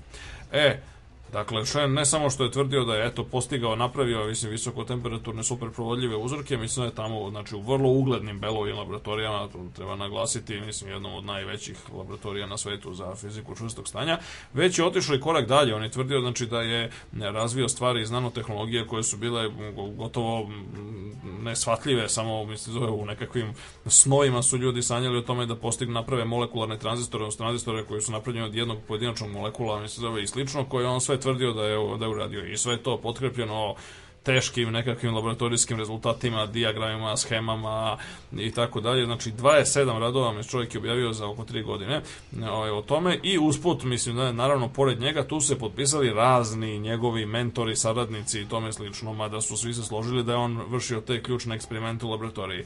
E, onda je, mislim, zove pukla bruka, mislim, pošto 2001. godine su ljudi ustanovili i to ne tako što su ponovili eksperimente, jer to je bilo suviše, mislim, zove skupo i nepoznano. Umeđujem su, da ne, da naglasimo tri svetske konferencije održane posvećene samo diskusiji njegovih rezultata. I vrlo verovatno da je on bio kandidat, izvesno je da je bio kandidat za Nobelovu nagradu. Mi to nećemo saznati dok oni ne otvore arhive. Tamo Nova Švedska akademija nauka ima period 50 godina za otvaranje arhiva, tako da ćemo se, još se načekamo da bi to saznali, ali gotovo izvesno. Mislim da je prosto, mislim da jedino možemo biti srećni, mislim da što, što mu nije i dodeljena, mislim da je pošto moglo i to da se desi, no, i da bi se ispostavilo, mislim zove da je to čista prevara on je čovjek, a otkriven je na taj način, mislim što je jednostavno bio suviše pohlepan, pa je postao onako nemaran, mislim zove u prikrivanju rezultata podvala, pa je onda iskopirao u dva različita grafikona koje su predstavljala dva različita eksperimenta sprovedena u različito vreme sa različitim uzorcima i tako dalje, iskopirao onaj deo grafikona gde se prikazuje samo slučajni šum je izgledao isto. E sad, slučajni šum e, ne može da bude isti u dva različita eksperimenta u realnosti, mislim, zove. Dakle, to je sasvim jasno da je tu nešto. I kad su ljudi prve videli da tu nešto nije redu, onda posle bilo relativno lako, mislim, zove provaliti, mislim, zove o čemu se tu radi. I onda je, mislim, zove tu pukla velika bruka. Dakle, e, prema njemu lično kao pojedincu su preduzete neke sankcije, ali problem jeste što su neki od najodgovornijih, a između ostalog recimo urednici časopisa, mislim zove vrlo moćnih tih časopisa su izbegli sankcije, mislim, koji je koji je, mislim, zove posebno skandalozno po meni, pošto su ta urednička mesta ekstremno, mislim, zove dobro plaćena pod jedan, ne, mislim, pod dva, što su ti ljudi, mislim, zove u prilici da utiču, mislim, zove svoje moći, da utiču, mislim, zove na naučnu politiku i na to, mislim, zove šta će se i koji objavljuju, koji su sigurno odbili hiljadu drugih radova koji su bili manje interesantni, ali u svakom slučaju tačniji, mislim, zove od ovog lažnog, mislim, zove koji je, ne od ovih, mislim, zove tih lažnih, mislim, zove koji su, kako zove, prihvaćeni. A, ono što jeste dobro jeste da je to opet podstaklo, mislim, da kad je to, znači, početkom 21. veka, mislim, zove se desila, eto, na samom početku 21. veka desila jedna velika prevara, zaista, ovaj, zaista velika po svakom kriterijumu i onda je to upravo podstaklo opet diskusiju o tome kako ćemo, mislim, zove da izađemo na kraj sa tim, kakve ćemo protokole da implementiramo. Do sad se obično, znači, eto, same Beloje laboratorije, a i druga mesta gde se, mislim, da vrše slične istraživanja su implementirale neke svoje interne protokole, a mnogo se diskutuje o tome kako bi trebalo napraviti globalni, mislim, zove protokole te vrste, mislim, koji će biti primenjivani u svim laboratorijama, ovaj, da bi se to izbeglo. Jedan od, recimo, razloga zašto je, mislim, on se između ostalo jedno branio time, mislim, zove što je došlo zbog kompjuterske greške, mislim, zove je slučajno obrisao, mislim, zove jedini mislim zove jedinu verziju, mislim zove ovih znači dnevnika, mislim zove eksperimenata i tako dalje koja je koja je bila tu. E, to je moguće da se desi, niko ne spori da se to ponekad i dešava. Mislim zove da je svako od nas i obrisao, mislim zove ponekad nešto greškom što mu je trebalo, ali recimo zabraniti da bilo šta postoji u jednom primjerku, znači strogo zabraniti i sankcionisati bilo koga, mislim zove ko ne pravi više primjeraka, mislim zove ono svih bitnih fajlova i, i tome slično. Jedan samo kao trivialan primer, ali kao primer onoga, mislim zove što može da se uradi, mislim, zove koliko toliko. A ostatak toga jeste kako je da mi razvijamo nepoverenje. Znači, to je ono što je bitno. Znači, da mi razvijamo znači, nepoverenje, odnosno kritički stav, mislim, zove, eto, kad smo govorili smo pre koju emisiju o Poperu, mislim, zove da, dakle, da je, znači, kritički stav, posmatranje kako da pobijemo i opovrgnemo, mislim, zove hipoteze, a ne kako da ih potvrdimo nego obrnuto kako da ih opovrgnemo je suštinski deo nauke i naravno mislim zove nekakvo opšte logičko pre svega, a onda ja bih rekao i filozofsko obrazovanje koje omogućuje da koliko toliko mislim zove se umanji opasnost da se bude prevaren. To, Naravno, to ja mislim neće nikad isti i neće nikad potpuno nestati, ali može se malo umanjiti. Da, evo, e, ako mogu samo da dodam dve stvari koje sam negde sad tokom ov- ovih dva sata, ovako, skoro dva sata primetio. Jedna je, znači, e, ovaj ceo proces, e, sad ovo je potpuno jedan, što ću reći, verujte mi, nadnacionalni princip, ali prosto on je ovako realan u prostoru u kojem živimo i na, na mestima gde radimo. Znači, ceo ovaj e, fenomen, ova pojava se dešava, dakle, mimo nas. Znači, mi smo negde na periferiji ili horizontu događaja ovakvih analiza problema. Dakle, mi moramo da e, kada smo već počeli ovu priču sa ministarstvima i tako dalje, znači problemi ovakvog tipa su toliko fundamentalni i važni da prosto mi pojedinačno, ali i kao država, znači ciljano, tako sam negde ja video ovaj, da, je, da, je, da je važno, moramo da uđemo u e, dakle prvo da, da postane nam svima jasno da je to važno i koliko je važno, a onda i da uzmemo učešće u tome. E, jako je neobično ovaj i i opet iz pogrešnih razloga tumačeno kao loše, ovo bi bio pravi pogrešan je neki da kažemo nacionalni da istraživački časopisi domaći e, dakle imaju jedan specifičan rating globalno gledano sada čast pojedinačnim disciplinama koji možda nije dovoljno dobar mestu kakav bi oni trebali da zauzimaju u našoj nauci. E, to je znači ovako jedan, jedna, jedna stvar koja je druga. Druga je to nešto, postoje određeni da kažemo neka nadnaučna ili transnaučna pitanja dakle koja se jako mnogo osanjaju na nauku iz nje proističu ali ne mogu se po kriterijuma filozofije nauke o njih svrstati a eto sticam okolnosti ona najviše su prisutna u medicinskim i biomedicinskim naukama.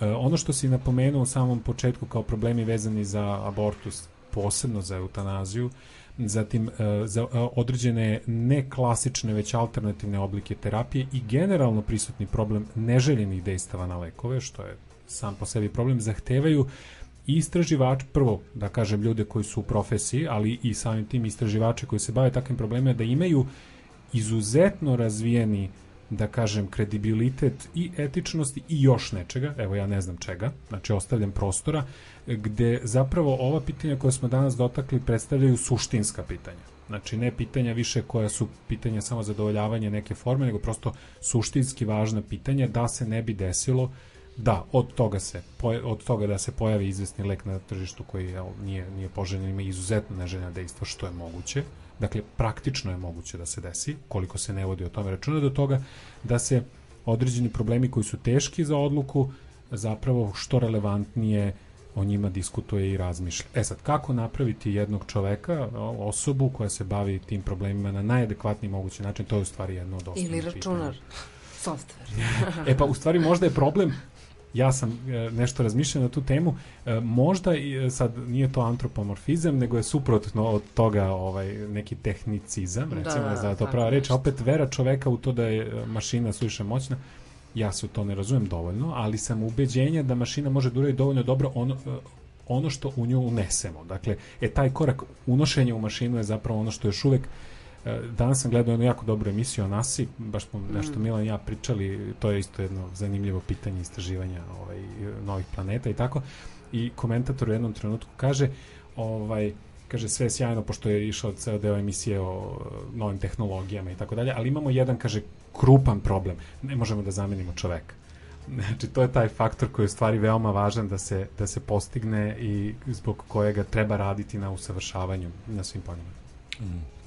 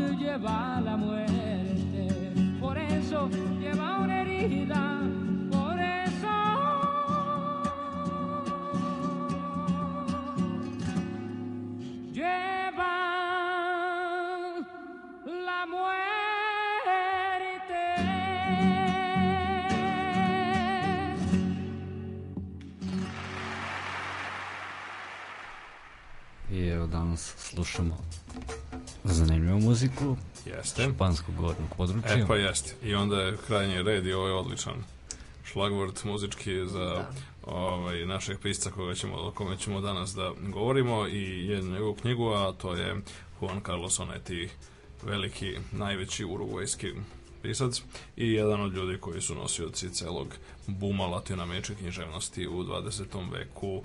Znači, Juan Carlos Onetti, kao i većina ljudi o kojima smo govorili, je živao tokom većeg dela 20. veka, rođen je 1909. u Montevideu, glavnom najvećem gradu Urugvaja a, i umro je 1994. do duše u izgnanstvu u Španiji, a reći ćemo i zašto. Ono što je zanimljivo jeste da je Oneti nasuprot nekim drugim herojima književnosti o kojima smo govorili u prethodnim ovim, ovim rubrikama jedan pisac i jedna knjiga je Oneti je recimo bio jako veliki pisac i veliki intelektualac, ali potpuno samo dida, autodidakt ili kako bi se to reklo samouk. Čovjek je ovaj, nije nikad završio ni srednju školu iz koje je bio izbačen.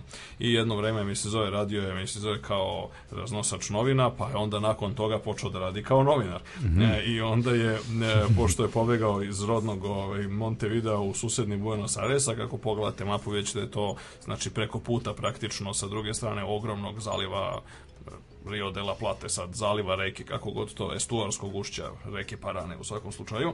Ne, Ono što je interesantno da je bio, mislim, jedno vreme jedno vreme novinar, pa je posle toga, znači, pred drugi svetski rat, mislim, zove postao i tokom drugog svetskog rata a, postao i urednik ne Reutersa ovaj, u Montevideu a, i zatim je radio za razne reklamne kompanije i tako dalje. Sve vreme je objavljivo, pisao prvo kratku prozu, posle od 1939. godine i romani, njegov prvi roman El Pozo ili što bi se reklo Jama, Rupa, e, objavljen 1939. godine. E, čitav niz docnijih knjiga koje je napisao tokom 40. i 50. godina, Ničija zemlja, Večeras, Kratak život, e, čitav niz zbirki pripovedaka. 1961. objavio je verovatno najveći i najznačajniji nego roman pod nazivom Brodogradilište El Astillero u originalu. E, I nastavio piše i dalje. Ono što je interesantno jeste da je dakle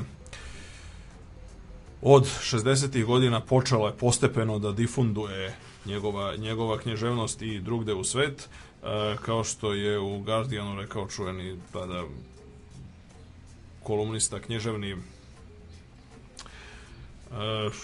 Gerald Martin je, rekao je, kaže, jedna od strogo čuvanih tajni latinoameričke književnosti koja tek treba da se objavi a, čitaocima u drugim delovima sveta, mislim zove je Juan Carlos Onetti. I on je počeo, mislim zove od 70. godina da biva prevođen kada je počela cela ta revolucija latinoameričke književnosti na čelu sa Gabrielom Garcia Marquesom, Asturiasom, Julian Cortasarom, Ernestom Sabatom i drugima, što međutim nije smetalo da 74. godine bude ovaj, usred Urugvaja uhapšen od strane Urugvajske vojne hunte i prisilno zatvoren, do duše ne u zatvor, mislim nego u ludnicu, da stvar bude još bizarnija.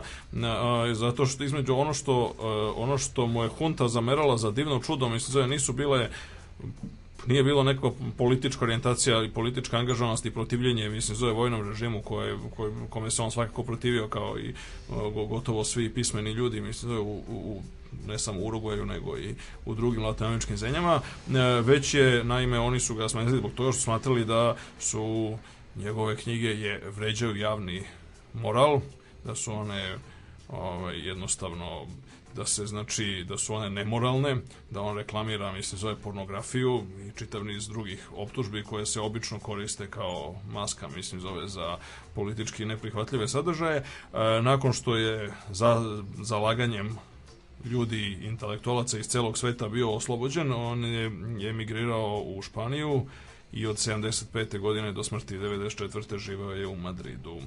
A, njegovo delo, ovako kao delo, je interesantno pošto je ono neki način latinoamerička a, verzija Viljama Faulknera, a pošto obojica jedan i drugi su se u, ovaj, nalazili velikog učitelja u Dostojevskom i jedan i drugi su bili veliki pesimisti, jedan i drugi su bili ljudi koji su stvorili tako fikciona, fikciona mesta, kao što je kod Faulknera, mislim, zove njegovo čujeno to južnjačko mesto sa neizgovorivim, bar za mene lično, mislim, zove imenom Joknapa Vatha ili tako nešto, ovaj, kao što je bio za Gabriela Garcia Marquesa Macondo, tako je se Onetijeve, većina Onetijevih dela dešava u izmišljenom e, urugvajskom provincijalnom gradiću Santa Maria.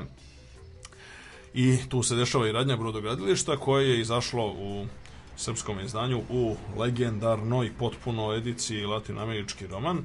Znači, onaj original je španski je 1961. a e, srpsko izdanje e, je, odnosno izdanje na jugoslovenskim područjima, pošto za divno čudo mi se zove ovde je sarađivao čitav niz, znači Svjetlosti Sarajeva i Prosveta rad, Narodna knjiga iz Beograda i književne novine, mislim da i čitav niz ovih e, drugih izdavača na ovom izdanju a štampano je recimo u Ljubljani, na primjer.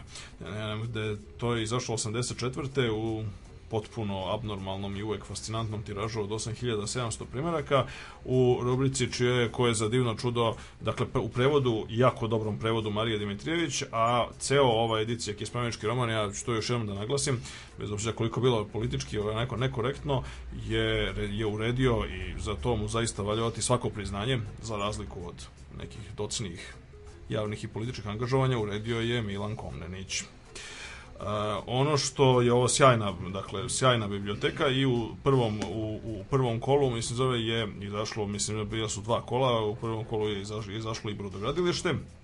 Brodogradilište je priča o tako jednoj jednoj tako baravi, da kažemo tako, skitnici, jedno jako baš kao kod ovaj, Dostojevskog, samo što ima ovaj, skandinavsko, ima skandinavskog porekla kao i mnogi Urugvajci i, i Argentinci, mislim zove po imenu Larsen, koji tako radi hiljadu nekih sitnih stvari, a rešava da se pokrene, da pokrene, da krene u novi život, da se rekonstruiše i da pošljava se u brodogradilištu i na prvi pogled sve je lepo, brodogradilište Cveta, direktor brodogradilišta, vlasnik brodogradilišta, taj Petrus je e, čovjek koji u njemu vidi, mislim, zove vrednog, mudrog radnika, mogućeg naslednika kome ovaj, obećava i ne samo vlasništvo nad brodogradilištem koje prosperira, već i ruku svoje kćer, prelepe kćerke i tako dalje, na prvi pogled se ima, a u stvari se ispostavlja, mislim da kako to već biva, ne pričamo dalje, da je to zapravo sve potpuna iluzija, mislim zove brodogradilište je bankrotiralo,